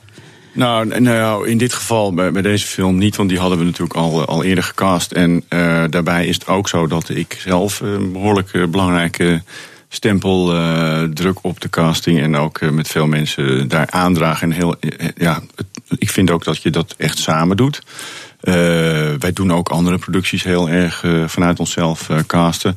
Maar ja, wij hebben toen op een hele prettige manier dat, dat gedaan. Dus we hebben daar op dat moment niets van, van meegekregen. Nee, maar je vindt het dus wel heel erg belangrijk om daar zelf heel nadrukkelijk bij te zijn. Heb je in het verleden gemerkt dat bij castings er wel dingen mis kunnen gaan, bijvoorbeeld? Nou, zeker. Ik vind dat bij castings zeker dingen mis kunnen gaan. Omdat er natuurlijk ook soms meerdere belangen zijn. En, en dat je dan niet altijd de mensen zeg maar, uh, op positie krijgt die je graag zou willen, omdat die misschien uh, ergens anders uh, beloofd zijn. Of ja, dat is altijd een beetje dubbel. dus je moet zelf goed opletten. Ja. En, Heb je dat zelf wel eens meegemaakt? Want je bent natuurlijk begonnen als acteur. Dat je zelf hebt gemerkt dat er al deeltjes waren met anderen, waardoor jij met je talenten misschien niet kwam? Ehm nou, ik, zo heb ik dat niet uh, ervaren. Maar ik heb wel ervaren dat er uh, bepaalde mensen uh, natuurlijk voor iets gereserveerd worden. Of, en zo gaat het ook wel in de business natuurlijk. Je hebt natuurlijk uh, je, hebt je voorkeuren en, je hebt, en het is ook gunnen. Ja. En, um, maar ja, dat betekent des te meer dat je goed moet opletten. En dat er ook een beetje gezonde concurrentie is. En op, in, op elk vlak. Ja, maar eh, gewoon in, in, in het bedrijfsleven. Net zoals er meerdere producenten zijn, is het ook goed dat er meerdere castingbureaus zijn. Ja, want je wil natuurlijk ook als uh, regisseur natuurlijk, wil je, en als producent wil je natuurlijk ook verrast uh, worden van nieuw talent. Uh, overigens heb je zelf jezelf ook wel gecast voor deze film. ja, ja, ja, maar dat was onvermijdelijk. Het was, was, was ook een, het was natuurlijk ook een grapje. En, en de distributeur die zei uit een doktersrol in, die zei van ja, dat, dat, dat kan je natuurlijk niet laten liggen. En dacht ik, ja, dat is ook wel zo. Even die witte jas aan. En, uh... Ja, maar voor de mensen die uh, niet naar goede tijden vroeger keken. Vroeger speelde je de rol van dokter Simon. Dokter Simon Dekker, dat is eigenlijk waar ik begonnen ben. Hè. Dat, is mijn, dat is mijn grote moment geweest. en ja, dat werd in heel Nederland uitgezonden. En dat heb ik vier jaar gedaan. Maar ja, daar word ik nu nog steeds, 25 jaar later, aan herinnerd. Ja, dat gaat natuurlijk nu alleen maar erger worden nu je zelf ja, die rol hebt toegedicht in deze film. Hij noemt acteren buitenspelen, maar toch is hij vooral heel erg druk met zijn productiebedrijf. Hoe hem dat vergaat, dat vraag ik hem zo meteen. BNR Nieuwsradio. Huisvrouwen bestaan niet. Het is de eerste speelfilm van producent Rick Engelkes. En hij is hier mijn uh, gast. We hebben net al eventjes gesproken over het feit dat de film in uh, première is gegaan. En uh, wat nou ja, dat was om dat op die manier te beleven. je wilde al langer een speelfilm maken. Je zei eigenlijk dat tv, hè, of dat beeld, dat trok aan me. Want zo ben ik natuurlijk uiteindelijk allemaal begonnen. Ik kan me wel voorstellen dat een heel ander traject natuurlijk is wat je ingaat. Niet alleen bij die première, wat totaal anders is. Hoe is dat bevallen, dat hele traject? Nou, uh, het, het, is, uh, het is een ongelooflijk leuk traject. Want ik vind het heel leuk om nou, in eerste plaats om verhalen te bedenken en verhalen zeg maar, en te maken. Um, alleen met, met film begint het natuurlijk hetzelfde. Want je begint ook met het, een basisverhaal en, en het script schrijven en de creatieve mensen bij elkaar brengen. Dat zijn altijd wel de mooiste uh, momenten, vind ik. En dan komt er een eh, financieringstraject. En dat is natuurlijk heel anders bij film dan, uh, dan bij theater. En dat is, uh, ja, dat is wel pittig. Ik heb wel menigeen, ik, een aantal van onze jongens, ook Richard Kemper, die een, een script heeft geschreven, die heeft menig uh, keer bij mij thuis gezeten van, nou, het gaat er echt niet komen, het gaat niet lukken. En dan, ja, ik ben, en ik ben wel iemand, ik geef nooit op, dus ja. ik blijf doorgaan. Dus ik zeg altijd, eh, nee, komt er echt rustig. Kan, kan een jaartje later zijn, maar het gaat er wel komen. Ja, maar je moet dus wel geduld hebben om het uiteindelijk voor elkaar te krijgen. Het is een heel lang proces. Hoe lang ben je met zoiets bezig? Nou, met deze film zijn we toch ongeveer drie jaar geleden begonnen. Eigenlijk met het, eh, met het hele het concept en uh, met partners te zoeken. Ik heb natuurlijk een aantal partijen nodig. En uh, zijn we gaan ontwikkelen. En al met al uh, wilden we het inderdaad een zomer eerder al maken. En is dat toch een, een jaar later geworden. Omdat dan net de, uh, nog niet de hele financiering rond was. Dus dat was echt best wel spannend in dat hele traject. Je moet dus doorzettingsvermogen hebben om ja. dat vol te houden. Dan ga je op een gegeven moment schieten. ja, dat is natuurlijk ook heel anders dan hetgeen wat je gewend bent. Je bent natuurlijk als acteur wel het een en ander gewend. Maar je hebt nu toch wel een andere rol. Hoe was dat? Nou, wat het verschil is, is dat je dan natuurlijk in een hele korte tijd, eigenlijk in, in zes weken tijd, ga je die film uh, draaien. En dat je in één keer een ongelooflijk uh, groot bedrijf uh, hebt. Eigenlijk. Het is eigenlijk een apart bedrijfje binnen jouw bedrijf. Want dan heb je ineens zoveel mensen werken. Wat, je ziet toch altijd die aftiteling. Nou, dan zie je altijd wel ja. hoeveel mensen er aan een film mee werken. En dat is ook wel ja, dat, dat vond ik ook het mooie bij deze film. We hadden vanaf van de runner tot en met de, de regisseur en alles. Het, iedereen was zo gemotiveerd en zo gedreven omdat alles uh, klopte en het was een goede sfeer. Dus iedereen wilde er ook echt iets moois van maken. En dat, uh, ja, dat, dat, dat, is dan wel fantastisch. Als je dan even zo over de set loopt en je voelt die energie en, dat je, en je ziet wat beelden terug, dan krijg je al een beetje zoiets van: nou, dit zou wel eens, uh, zou wel eens iets kunnen worden. Waar werd je zelf uitgedaagd? Dat je dacht, oeh, dit moet ik wel eventjes anders doen. Dit is voor mij ook wel een beetje pittig. Even los van die financieringen. Ja, nou, als er eenmaal die financiering rond is, dan ben ik eigenlijk wel vrij rustig. En dan heb ik, ja, mijn, mijn, mijn functie is om op alle plekken de goede mensen te zetten. En, en dat die ook met elkaar allemaal matchen en, en, en dat alle neuzen dezelfde kant op staan. En dat we allemaal hetzelfde willen maken. Een beetje het, ik heb een visie, ik heb een beeld wat ik graag wil maken. Zo'n soort producent ben ik. En nu zie ik terug, ja, dit is wel zoals ik het altijd in mijn hoofd heb gehad. En dat vind ik dan in het begin heel erg spannend, om al die departementen allemaal dezelfde kant op te krijgen. Ook, dus je hebt eigenlijk andere leiderschapskwaliteiten misschien nodig als bij een theaterproductie? Uh, nou, het, het, komt wel een beetje op hetzelfde neer, maar iets, ja, het is iets meer, uh, je moet het iets meer uh, van tevoren uh, goed brieven, goed weten wat je wil. Dat, dat het voor iedereen heel helder is. Want als hij, als hij gaat lopen, dan is het wel een soort tanker die, uh, die niet te stoppen is. En die kan je dan op een gegeven moment ook niet meer bijsturen. Dus dan moet je van tevoren moet je wel. Nee, en die techniek lijkt me ook uh, heel erg lastig. Je bent aan het filmen, je hebt shots. Dat is natuurlijk heel anders dan op een toneel. Ja, ja, ja, nou ja, we hebben natuurlijk heel veel uh, montages gezien. En dan, uh, nou, dan praat je daar weer over. En dan, en dan ben je met een clubje en iedereen vindt daar iets van. En dan, nou ja, en dan zoek je naar een, een, de goede balans in, in die film. Hè, want hij kan ook te lang worden. En dan, en dan moet je, het is ook een beetje kill your darlings. Op een dat moment. lijkt me heel lastig, ja. ja, ja. ja. Uh, wat opvalt als we kijken naar jouw strategie, is dat je dingen op verschillende platformen wegzet. En dat je het liefste eigenlijk alles zelf bedenkt. Op kruimeltje misschien na, wat nu, waar je zelf ooit als acteur in hebt gespeeld. in, de, in de productie, theaterproductie, en waar je nu een film van wil maken, heb ik begrepen? Ja, ja, ja Kruimeltje was ooit een, natuurlijk een boek en een film. En toen hebben wij er een musical van gemaakt in 2010.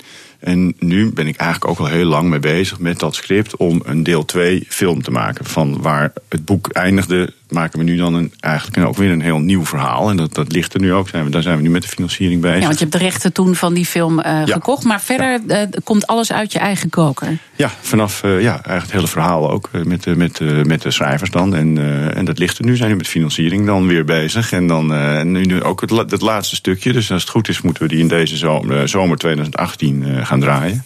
En waarom vind je het zo belangrijk om zelf al die... Hè, want heel veel uh, producties, zeker als het om, om theaterproducties gaat... die komen uit het buitenland. Hè. Heel veel musicals komen uit Amerika of uit ja. uh, Londen. Uh, jij zegt, ik wil dit graag anders doen. Nou, ik vind het natuurlijk, het is natuurlijk mooi om je eigen, zeg maar, ook uh, bibliotheek te hebben. En je library en de rechten die je, dan, uh, die je dan ook in eigen beheer hebt. En waardoor je er ook andere dingen mee kunt doen. En ik geloof wel in, je ziet dus mensen, er is veel aanbod. En mensen gaan vaak naar iets wat ze al kennen of herkennen. Dus inderdaad iets wat al uh, uit het, het buitenland komt. Of je moet iets maken wat heel gericht is voor een bepaalde doelgroep. Dat duidelijk is dat ze weten waar ze naartoe gaan. En dan is het mooi als je dat een beetje kan uitbouwen. Dat je dat merk groter kan maken. En dan zou dat betekenen dat je dat over verschillende platformen kan uitwerken. Zoals als het in theater is. En het kan ook in de bioscoop. En er kan een comedy-serie van komen. Ja, dan, dan benut je zo'n merk uh, steeds, steeds meer. Ja, want zo is het ook bij de film gegaan. Hè? Je bent begonnen uh, met een theaterproductie over ja. uh, de huisvrouw-monologen, heette ja, het toen, klopt. geloof ik. En dat is dus nu die film geworden die net in première is gegaan. En zou je dan ook kunnen zeggen, ik ga er een serie van maken? Is dat het volgende Ja, ik zou er heel graag... Ik denk, omdat, kijk, niet alles leent zich daarvoor. Maar deze film en deze karakters, die lenen zich wel enorm goed voor een ongelooflijk leuke comedy-serie. Is er iets dat leuker is om te doen, of waar je misschien meer geld aan verdient? Een film, een theaterproductie? Er zijn ongetwijfeld heel veel dingen waar je meer geld aan zou kunnen verdienen. Uh, maar dit is wel het leukste wat er is om te doen. Tenminste, voor mij. Wat is het leukste? Theater, film? Nou, of, nee, ik vind toch echt de combinatie het leukste. Ik ben nu ongelooflijk blij dat de film van de grond is. Want dat was wel echt een. Uh, ja, dat, dat moet je er echt. Dat moet je echt van de grond. Het is niet zo makkelijk om in Nederland uh, als, als filmproducent aan de bak te komen. Uh, nou, dat, dat is gelukt. En we hebben een mooie, mooie start gemaakt. En ik vind het, nou ja, mijn grote droom en mijn visie. Ik heb, we zijn nog met een heel groot ander project bezig is om dat allemaal bij elkaar te brengen. En dat er op een gegeven moment een mooi bedrijf staat, uh, zeg maar, waar goede verhalen bedacht worden en verteld worden. die zowel op verschillende kanalen gebracht en waar ook, wat ik vind ik interessant ook, en dat is ook het bedrijfsleven eh, en merken, die zitten ook in de film, zitten er twee die op een natuurlijke manier daarin kan verwerken, zodat het een hele mooie wisselwerking wordt, zeg maar, van, van inhoudelijk en uh, commercieel. Heb je dan ook nog een droom om naar het buitenland te gaan? Of zeg je, mijn producten zijn zo specifiek op de Nederlandse markt geënt? Nee, nee, nee. nee. Ik vind ook buitenland. We zijn nu ook bezig met, uh, zeg maar, ik heb opvliegers. Uh, dat is een, een, theatervoorstelling. Dat is nu inmiddels deel Voor 40 plus, hè? Ja, Sex in the City 40 plus, 45 plus. En dat zijn er best veel in Nederland. Maar die heb je natuurlijk in elk land. Dus nu in België draait die ook. En we zijn nu bezig om die ook in Duitsland uh, zijn, willen ze hem ook hebben. Dus dan licenseer ik het. En Kruimeltje doen we bijvoorbeeld samen met een eh, Duitse co-producent. Dus we zijn wel langzaam maar zeker wel ook eh, een beetje over de grenzen. Maar Amerika, dat trekt dan denk ik toch? Nou ja, dat is weer een, een hele, hele stap verder. En als dat komt, dan komt dat. Maar het is niet dat ik daar zeg maar bewust mee bezig ben. Oh, daar moet ik naartoe. Nee, ik, we Terwijl je toch volgens mij wel heel strategisch denkt bij alles wat je doet. Uh, jawel, maar uh, wel stap voor stap. Het, het, het moet, moet kloppen. Het moet wel kloppen en het moet een, een, logische eh, volgende stap zijn. En nu zijn we nog heel erg gefocust hier om alles mooi eh, in balans. Ik heb een fantastisch team en dat wordt steeds beter. Nou ja, en als dat staat en er, en er komt ruimte, dan uh, wie weet. Kun je het moment nog herinneren dat je vanuit die acteursrol, hè, Goede Tijden, Slechte Tijden, Dr. Simon, die je nu dus ook weer even speelt in die film die je hebt uitgebracht, dat je dacht: ik wil iets anders, ik ga die producentenkant op? Nou ja, ik, als ik dan terugdenk, denk ik altijd ook zelfs uh, op school. Ik had altijd wel de neiging om iets anders te willen dan uh, wat iedereen deed. En ik was ook zoeken. Ik heb zelfs ook nog de modeacademie gedaan. En dus eigenlijk ben via die kant ben ik in het, in het acteren gerold.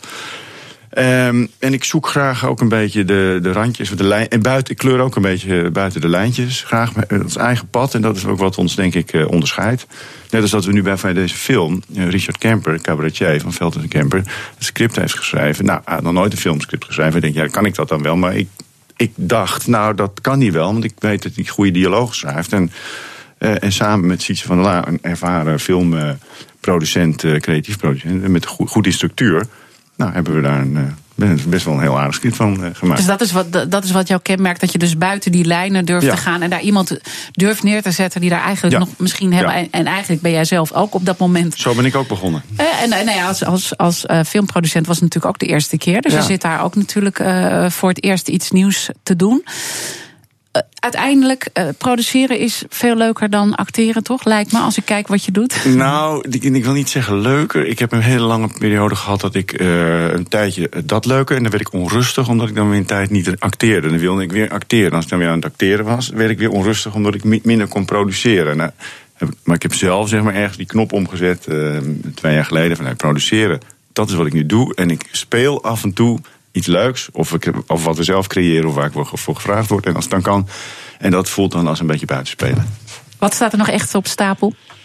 Uh, nou, de, een aantal, uh, wat ik net zei, de, de, volgende film. En hopelijk dat deze film goed uh, aanslaat. Dat we deel 2 gelijk gaan maken. En misschien de comedy. En ik ben met een heel groot theaterproject bezig. Waar we ook een theater voor, een pop-up theater voor gaan bouwen. Um, in Amsterdam is dat de bedoeling. En uh, ja, dat is uh, zeg maar een, een, ook een soort live spektakel waar met 70, 80 mensen op het podium. Dus genoeg spannende dingen voor de toekomst. En, en, wie weet dan ooit, ooit, ooit toch aandurven. Want je, je gaat buiten de gepaande. Hoe zeg je dat? Dan kom ik er zelf niet meer uit. Maar je durft andere dingen te doen. Amerika, wie weet ooit. Ja, wie weet. Oké, okay, dankjewel voor dit gesprek. Film- en theaterproducent Rick Engelkes. Huisvrouw bestaan niet, draait dus nu in de bioscoop. Nieuwsradio. Hemmen. Matroos. Vergeet Marie Curie, wij hebben namelijk Monique Tromp. Onlangs werd deze topchemicus bekroond met de Atheneprijs.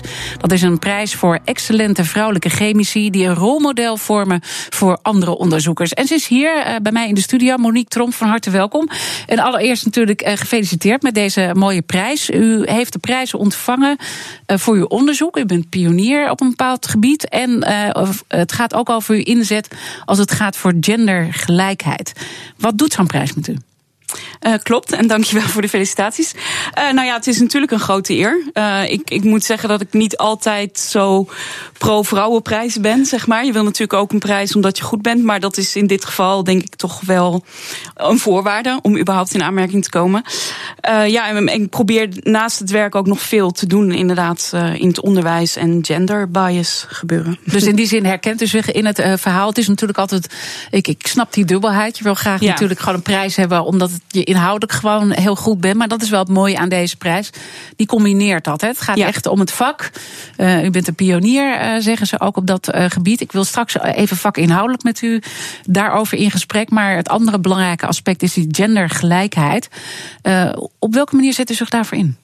Nou, op verschillende manieren. Dus zowel op de universiteit om onder mijn collega's meer vrouwen te brengen. Ik ben vaak een van de weinigen. Dus daar om het vak te promoten en vrouwen um, te motiveren om toch aan de universiteit te blijven. Of in ieder geval in, in dat carrièrepad te blijven.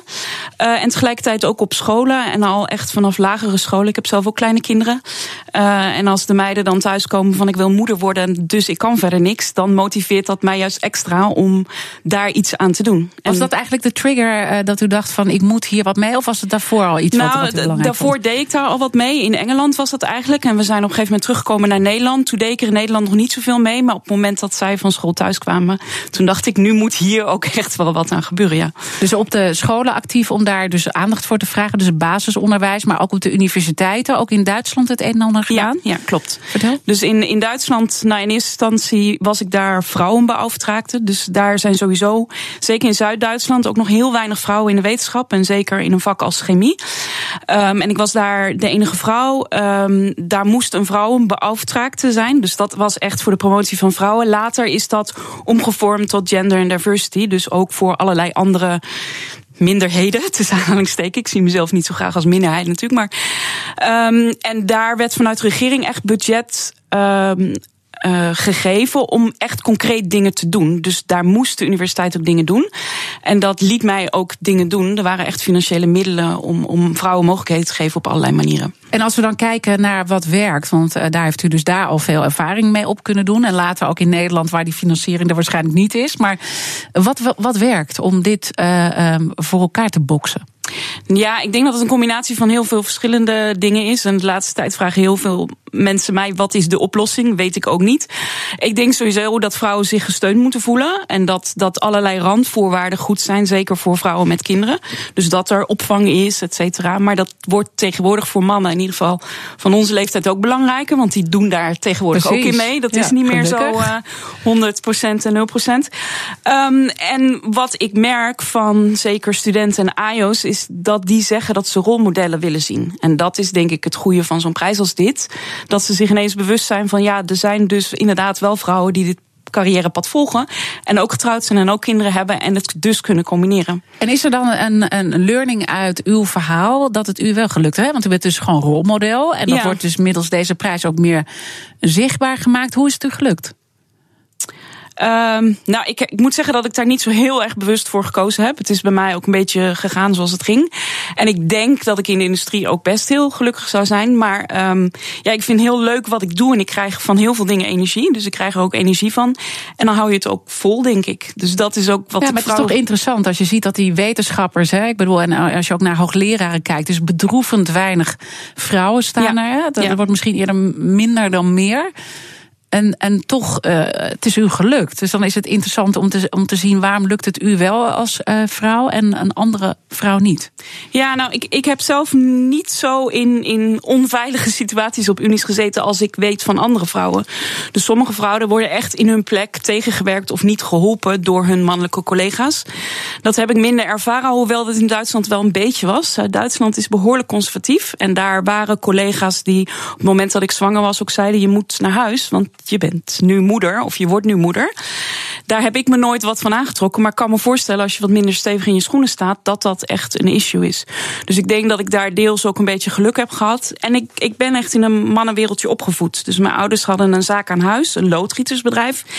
Uh, en wij deelden de keuken met de kantine daarvan. Het was alleen maar mannen, het was alleen maar mannengrappen. En ik, ik voel me daardoor niet persoonlijk aangevallen. Ik ben thuis in dat wereldje, denk ik. Dus je dat weet helpt denk er ik ook. grap overheen te maken. Ja, inderdaad. Je bent wat dat betreft niet zo gevoelig voor dat soort dingen, Ja, zeg maar. Het is interessant, want het gaat allemaal om de codes ook eh, kennen natuurlijk. Ja. Ik wil niet te veel over het vrouw zijn praten, want dat is ook altijd de valkuil. Dat Ja, we dan weer ja, ja. heel lang over het vrouw zijn gaan praten. Ja. Maar het, het belangrijk om ook over uw vakgebied eh, te hebben. Want u heeft die prijs eh, om twee redenen gekregen. Het vrouw zijn en daar een eh, excellent rolmodel in zijn. Maar ook dus echt omdat u pionier bent binnen uw vakgebied. Ik zie hier universitair hoofddocent Sustainable Materials Characterization aan de Universiteit Amsterdam. Wat is dat? Ja, dus wij proberen met eh, verschillende soorten licht. En, en onze focus is röntgenstraling.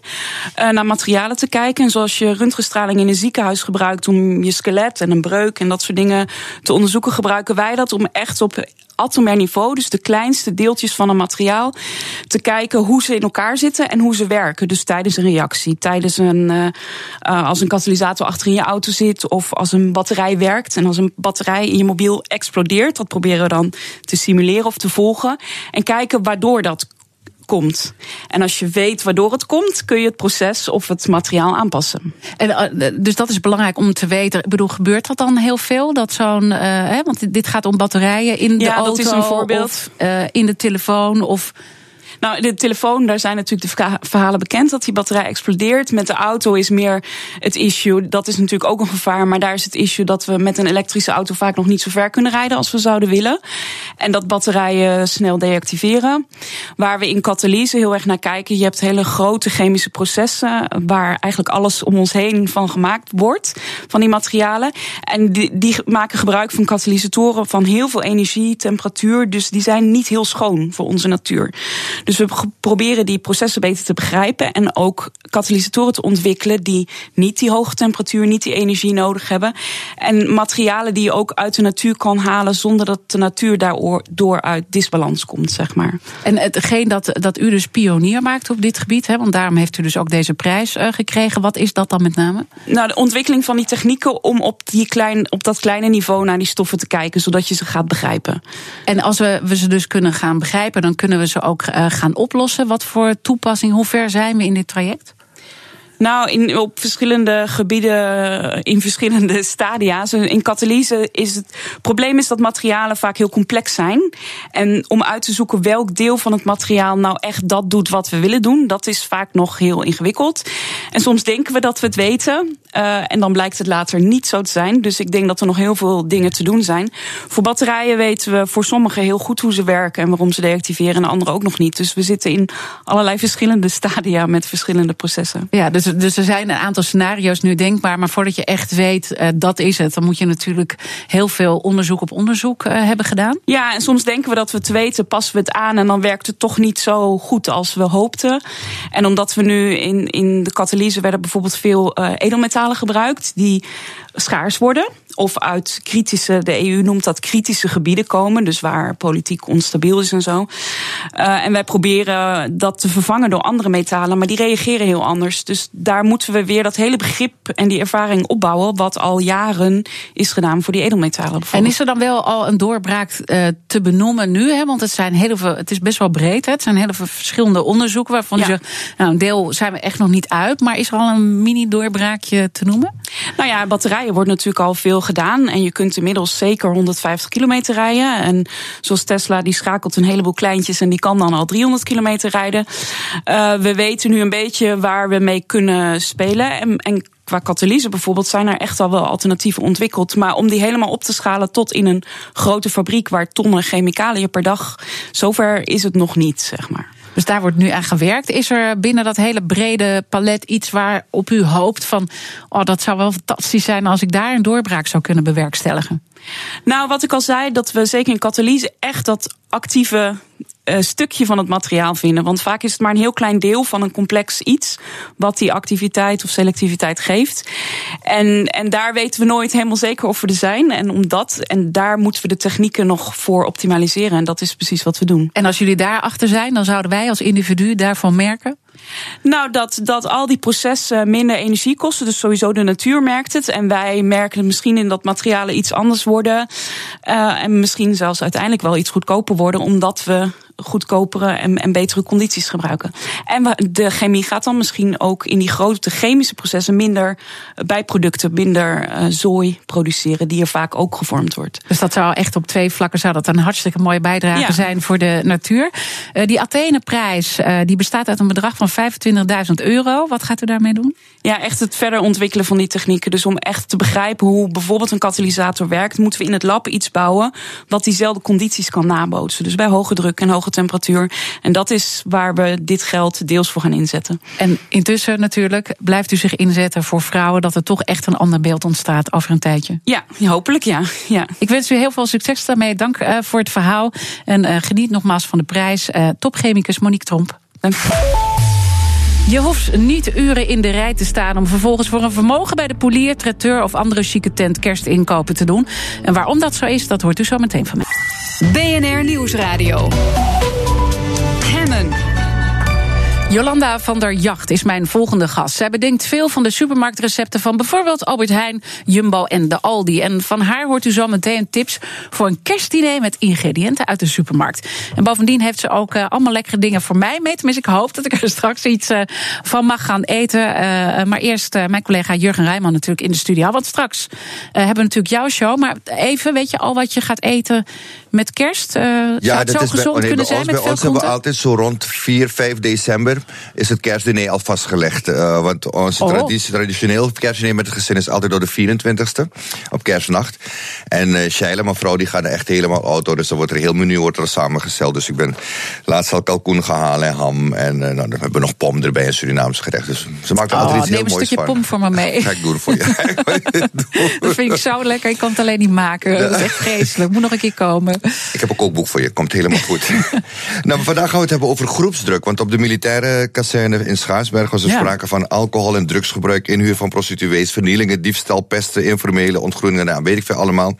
En eh, het, men zegt onder andere in het rapport dat het kwam door groepsdruk en eh, loyaliteit. Dat er nooit iets naar buiten komt, dat mensen dus geen aangifte durven te doen. Maar ja, die groepsprocessen die allemaal plaatsvinden met groepsdruk, hoe, hoe komt dat tot stand? Eh, weet je, peer pressure. Je ziet bijvoorbeeld vroeger, als je niet meerookt, dan tel je niet mee. Nu, als je wel rookt, tel je niet mee. Dus hoe kan je het positief of negatief ook in, inzetten, groepsdruk? En eh, ja, allerlei andere processen gaan we bespreken. We hebben echt eh, mensen die er alles over weten. Evelien Hoeben, criminoloog, gepromoveerd op hangjongeren en jeugdcriminaliteit. Eh, ze werkt als professor in de Verenigde Staten en zij is mijn studiogast. Dus we kunnen echt alles, maar dan ook alles vandaag aan haar vragen. En je kan je vragen stellen via Twitter, BNR. Je kan het doen via Facebook. Je mag me natuurlijk altijd appen. Het nummer staat op bnr.nl. Of even een mailtje sturen naar askme.bnr.nl. Maar het leukste is bellen 020 468 400 en stel je vraag naar live in de studio. Oké, dat is allemaal om twee uur. Dankjewel, Ja. Jurgen. Nou, eet smakelijk. Ik beneed je wel een beetje. Toch? Het, is, eh, het, is, het ruikt al heel lekker. Dat, kan, dat kun- kunnen de mensen niet hier eh, ruiken. Maar eh, ik verzeker de mensen die nu luisteren. Het ziet er goed uit en het ruikt lekker. Overigens kunnen ze wel via de livestream meekijken. En daarmee kom ik eh, uit bij mijn volgende gast, eh, Jolanda van der Jacht.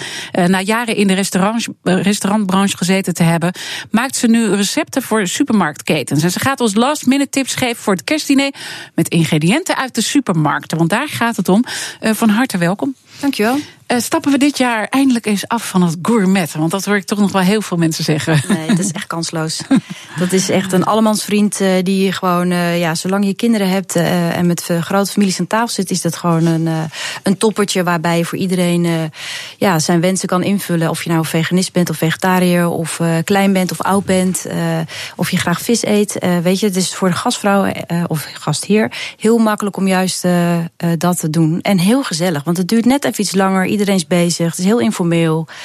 Dus succes verzekerd. Ja, en als je niet zo heel goed kan koken, ik ben geen ster in de keuken, dan kan je mooi hier achter verschuilen als Ja. je iedereen zijn eigen potje eh, laat maken. Maar toch kan ik me voorstellen dat er wel bepaalde trends zijn. In ieder geval, eh, eh, veganistisch eten is een Ja. behoorlijke trend. Vegetarisch was dat al wat langer. Zien jullie dat terug? Ja, ik zie dat zeker ook terug in mijn werk en uh, ook bij mezelf in mijn eigen leven. Uh, ik ben zelf geen vegetariër en dat wens ik ook niet te worden, want ik hou enorm van goed vlees en goede stukken vis. Uh, al merk ik wel dat, uh, dat er een nieuwe, ja, een nieuwe beweging is dat, dat mensen graag plantaardig willen eten. Dus dat maakt je nog niet een vegetariër of een veganist. En dat zet wel groente in de hoofdrol op de menukaart. En dat is eigenlijk ja, waar mijn focus volgend jaar ligt, om daar echt een slag in te maken om groente echt uh, prominent te laten shinen dat is ook zeker wat, wat waar ik me in herken. Het is niet zo dat ik helemaal geen uh, vlees meer eet. Maar ik merk wel dat groenten voor mij steeds belangrijker worden. En dat het best wel moeilijk is om dan echt een goed, uh, verrassend gerecht in elkaar uh, te zetten. Soms krijg je in een restaurant wel echt dat je denkt: oh, dat vind ik echt wel heel erg lekker. Maar jouw stelling is: dit kan je ook heel goed met supermarktingrediënten doen. Ja, zeker. Want ik heb nu ook hier boodschappen, gerechten op tafel staan. die ik met boodschappen uit de supermarkt gedaan heb. En het leuke is dat er nu met feestdagen natuurlijk altijd iets extra extra's is. En vanmorgen liep ik dus uh, tegen deze uh, flower sprouts aan. Dus daar waar je altijd het klassieke gerecht hebt van uh, kalkoenrollade of een runderrollade, een gebraden kippetje. dat, dat zijn de klassiekers die elk jaar gewoon ook daarin weer terugkomen met kerst. maar je kan echt je verrassing en, en je, de variatie maken in het, in het groentemenu. En dus als je deze eenvoudige spruitjes die binnen twee minuten gaar zijn met een beetje knoflook en rode peper en eventueel wat gefrituurde gember op tafel zet bij gewoon een kalkoen, dan heb je opeens een heel nieuw gerecht wat er 30, 40 jaar geleden nog niet was. En uh, zo heb ik ook hier met hele fijn gesneden rode kool uh, was er in de supermarkt. Oh, dat ziet er heel lekker uit. En daar heb ik een, een, een hele snelle salade mee gemaakt. Wat, dit, wat je nu ziet, daar ben ik een kwartier mee bezig geweest. Door de, ja, door de variatie dan ook weer met wat granaatappelpietjes, frambozen, basilicum, wat geroosterde amandelen. En dan ja, ga op zoek naar structuren in groenten en, en voor de gerechten. En dan wat merk wat je, bedoel je daarmee? Nou, als je dit bijvoorbeeld zou eten, dan proef je dat sappige van de granaatappelpietjes. Rode kool is van zichzelf natuurlijk een beetje drogig. Dus daar moet je wat mee doen. Nou, de tegenhanger is dan weer het zoete en frisse van de framboos. Eh, de kruiden, royaal kruiden, peterselie en basilicum. En dan knapperig van een nootje. En dit is best wel hard werk als je daar een bord van leeg moet eten. Maar bij het kerstmenu heb je altijd maar een klein beetje nodig om, om ja, voldaan te zijn. En ik denk als je juist dit ook ja, vooraf ergens neerzet, weet je wel, dat als een soort, bijna een soort ja, veganistisch amuse. Dat klinkt heel chic, maar dat je, dat je even echt je smaakpapillen opwekt om uh, verder diner in te gaan. Ja, ook, ik kan me voorstellen, ik wil graag een stukje proeven. Uh, we hebben geen bestek alleen, hè? Hier. Komt zo. Gaan Komt we regelen. Zo, gaan ze, dat gaan we zo uh, doen. Nou, misschien kan ik daar al een stukje, want dat, kan, kan ik heel zeker, makkelijk pakken. De grap hiervan is, is dat, je, dat ik dus groenten met een chocola gemengd heb. Dus ik heb rode bietjes oh. zelf gekookt. Mag ik pakken? Zeker. En ik heb daar wat five spice overheen gedaan. Dus gewoon het Chinese vijf, vijf specerijenpoeder. Mhm. en, uh, en gekookte bietjes in blokjes. Mm. En dan uh, wat amandeltjes Sorry als ik uh, men, mij hoort eten nu, maar het is echt heel lekker. Ja, en, en, en je zou het niet bedenken dat je dus ook bij de koffie nog groenten erin... Want welke groenten zitten hier nu in dan? Hier zit de rode biet in. Maar dan niet de gekookte die al gekookt zijn. Maar die je dus wel even nog een rauw bietje zelf even kookt. Die zijn Hmm. net even iets steviger en hebben een mooie zoete smaak. En uh, ja, en dit gaat echt heel erg uh, een grote verrassing zoeken, uh, worden als je het als bij je de dit koffie... maakt. Ik Ja. heb zelf trouwens laatst een avocado taart, een chocolade avocado taart gemaakt. Maar je Van proeft rauwe avocado. Van rauwe avocado. En dat proef je dus absoluut niet. Ik heb later wel gezien dat het een enorme caloriebom is. Dus ik denk dan dat je er goed bezig bent met avocado. Maar Nou ja, nee, ik, ik ga dan even voor de avocado opnemen. Uh, ik denk zeker dat je ze ook helemaal niet schuldig hoeft te voelen als je dat eet. Want avocado is gewoon echt ook heel gezond. En, uh, en ja, er zit calorieën in, maar weet je, laat iets anders. Uh, drink een glas wijn minder en geniet ook echt van dat groente avocado taartje, wat er niet naar smaakt, maar waar echt veel beter, ja, weet je, het is plantaardig. Er zit in plaats van de vetten van de boter of de olie, heb je dan nu de vetten uit de, uit de plant gehaald.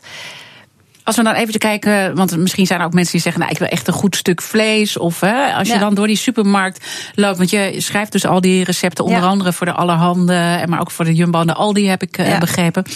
Eh, hoe, hoe gaat dat bij jou, dat zo'n recept tot stand komt? Ja, die recepten, die, uh, het kijkt natuurlijk heel erg naar het seizoen. En voor wie het is, uh, voor welke gelegenheid. Uh, gaat het mee naar een picknick, gaat het mee naar een kerstdiner. Nou ja, dan, en dan laat ik me daardoor inspireren. Ah, kijk, op is het moment. Heerlijk. wel. Ehm, op het moment waarvoor het dient. En, daar, en ja, dan ga ik gewoon los. Dan gaat er een soort luikje in mijn hoofd open van... Uh, oh, het is vandaag kerst. Wij zijn nu al met Pasen bezig. Ik bedoel, we zitten al in de paasrecepten. Dus als ik nu door de supermarkt heen loop... dan, dan zit ik al naar lichte dingen en boontjes en groene asperges... en op zoek naar postolijn. En dus helemaal niets. Dus alle mensen doen een kerstboodschap... en ik ben op zoek naar paasboodschappen. Dus, uh, maar nu moeten we dus even weer terug naar kerst. Want kerst, is ja. natuurlijk aanstaande. Heb je nog andere tips die, uh, ja, waar we echt even een beetje goed voor de dag kunnen komen? Nou, ik zou zeker die klassieker doen. Uh, en ik denk dat velen zoals... Uh, de klassieker gourmet bedoel je? Ja, gourmet, maar ook gewoon de, de groot stuk vlees. Ja, zeker. De, de rollade zou ik zeker op menu zetten. dat doen wij zelf ook. Mm -hmm. En en ja, de, de, een grote kalkoen of een lekkere kip. Uh, ik denk dat, of een mooie zijde zalm uit de oven. Dus ja, weet je, dat zijn toch een soort van grote stukken vis of vlees ja, waarmee je indruk maakt. En, uh, en dat uh, ja, vinden mensen toch feestelijk, weet je. Dat is net even ja. anders dan wat je normaal door de week eet. Deze is ook echt heel lekker, want het is, ik, ik hou altijd heel erg van fruit. En dit is gewoon hartig en fris. Uh, ja tegelijk. En knapperig. En knapperig, ja. ja dus uh, uh, super lekker. Kunnen die groenten ook heel erg, want dat is altijd het probleem natuurlijk met uh, kerst. Dat je dan denkt, nou, ik, ik had me voorgenomen om niet zoveel te eten. En uiteindelijk ben je weer helemaal opgeblazen. Ja. Tenminste, nou, niet iedereen zal het misschien hebben, ja. maar veel mensen. Ja, nee, maar ik denk ook als je over de hele dag door blijft je een beetje snoepen. Uh, ja, mijn tips zou zijn van zet lekker een grote schaal uh, met, uh, met alle rauwkels neer. Of zoals ze dat in Frankrijk bij het hoofdgerecht noemen ze dat een, een grand aioli. en ja, hier kan je dan ook nog verschillende dippen bakjes bijzetten met of een hummus of een guacamole of een tapenade. Of gewoon. Want dat zorgt een beetje voor een luchtig ja, weet je, gevoel. Als je, als je naast al je snoeperij die je toch doet, je kerstkransjes en de taart en en de, de cakejes die aangeboden worden. Als je door, door de hele dag door groente blijft eten, weet je, dan blijf je ook vitaal en energiek uh, voelen. En minder opgeblazen. En minder schuldig. Want je wil gewoon toch, terwijl je zit kletsend ja, en een glaasje, wil je toch iets eten. Maar er zijn ook veel mensen die volgens mij een kaasfondue gebruiken ja. rond deze tijd. Uh, dat is natuurlijk helemaal zo'n uh, bal op ja. je buik. En dan zeggen ze altijd, je moet een kopje thee drinken. Is dat nou onzin? Nou dat, ja, je daar, ik, dat, dat, je daar wat meer lucht weer van krijgt? Ik denk dat het inderdaad een beetje de boel uh, wat daar binnen een soort van één grote klont is. Een beetje weer een soort van verzacht en, en ja, het makkelijker laat verteren. Dus ik ja, kan dat zeker kruidenthee adviseren om dat uh, daarna te doen. Wat ga je zelf maken? Ja, ik heb inderdaad runrollade uit de Westzaan. Wij hebben koeien achter de, van vrienden, die hebben een boerderij met een aantal koeien. Dus daar kreeg ik een telefoontje van de week. En er stond Thais op het menu. En dat hebben we toch geswitcht, toch een klassieker. En uh, dus er staat nu uh, een heerlijk mooi biologisch stukje vlees op het menu. En dan toch van iemand die je kent, hè? Dus ja, een koe ja, van iemand die je kent. Ik uh, weet ook iemand, uh, mijn agent, die, uh, die doet dat naast een hele business daarnaast. met, nou ja, ook echt koeien die ze zelf in de wei heeft staan. En dat geeft toch wel een vertrouwder gevoel als je nou zo ja, je weet dat er niet gerommeld is met het eten. Er, er worden geen antibiotica's gebruikt. En ja, het is echt een puur stukje vlees. En, en ik ben de laatste tijd best wel, best wel veel plantaardig aan het eten. Maar ja, weet je, hier denk ik dan van iets minder, maar wel echt een goede kwaliteit. Ja, dus die combinatie, dat ja. is natuurlijk een hele mooie. Wat is het allermoeilijkste als je goed plantaardig wil koken?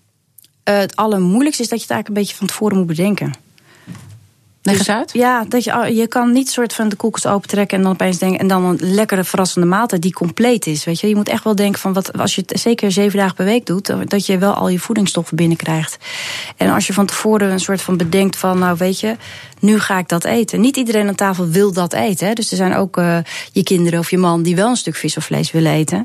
Weet je, dus je moet wel voor jezelf dan uh, daarin zorgen dat je de juiste voedingsstoffen binnenkrijgt. Eigenlijk is dit een heel raar moment voor jou, want je zegt eigenlijk ben ik nu al bezig met de Pasen. Ja. Om daar dingen voor te bedenken. Even een uh, tipje van de sluier. Wat kunnen we verwachten? Oh, gosh. Ja, het, ik, ik, heb toevallig mijn eigen recepten die erin zitten. En ook inderdaad heel veel groenten. Waarbij echt focus is op het groente. En dan, die dan opgeblazen wordt als een gerechtje. Met het gemak van de supermarkt. En dan ja, wel de groenten in de. Dus de groenten blijven toch wel ja, belangrijk de komende en zeker tijd. voor mij, ja. Ja. Dank uh, voor dit uh, gesprek. Uh, Jolanda van der Jacht, alle ideeën en tips kunnen we meenemen. En uiteindelijk weer in al die recepten natuurlijk teruglezen. En daarmee zijn we ook aan het eind gekomen van Hemmen voor vandaag. Morgen dan ben ik er weer. En dan is Annelien Bredenoord mijn gast. Zij doet onderzoek naar medische ethiek en is nu uitgenodigd door Qatar om mee te denken over de ontwikkeling van een islamitische medische ethiek. Nou, hoe dat zit, hoort u allemaal morgen. Maar natuurlijk zijn we nog de hele dag live op deze zender op BNR. straks te beginnen met Jurgen Rijman om twee uur met het programma Ask Me Anything. En daar kunt u alles vragen over groepsdruk. Ik wens u een mooie middag. Dag.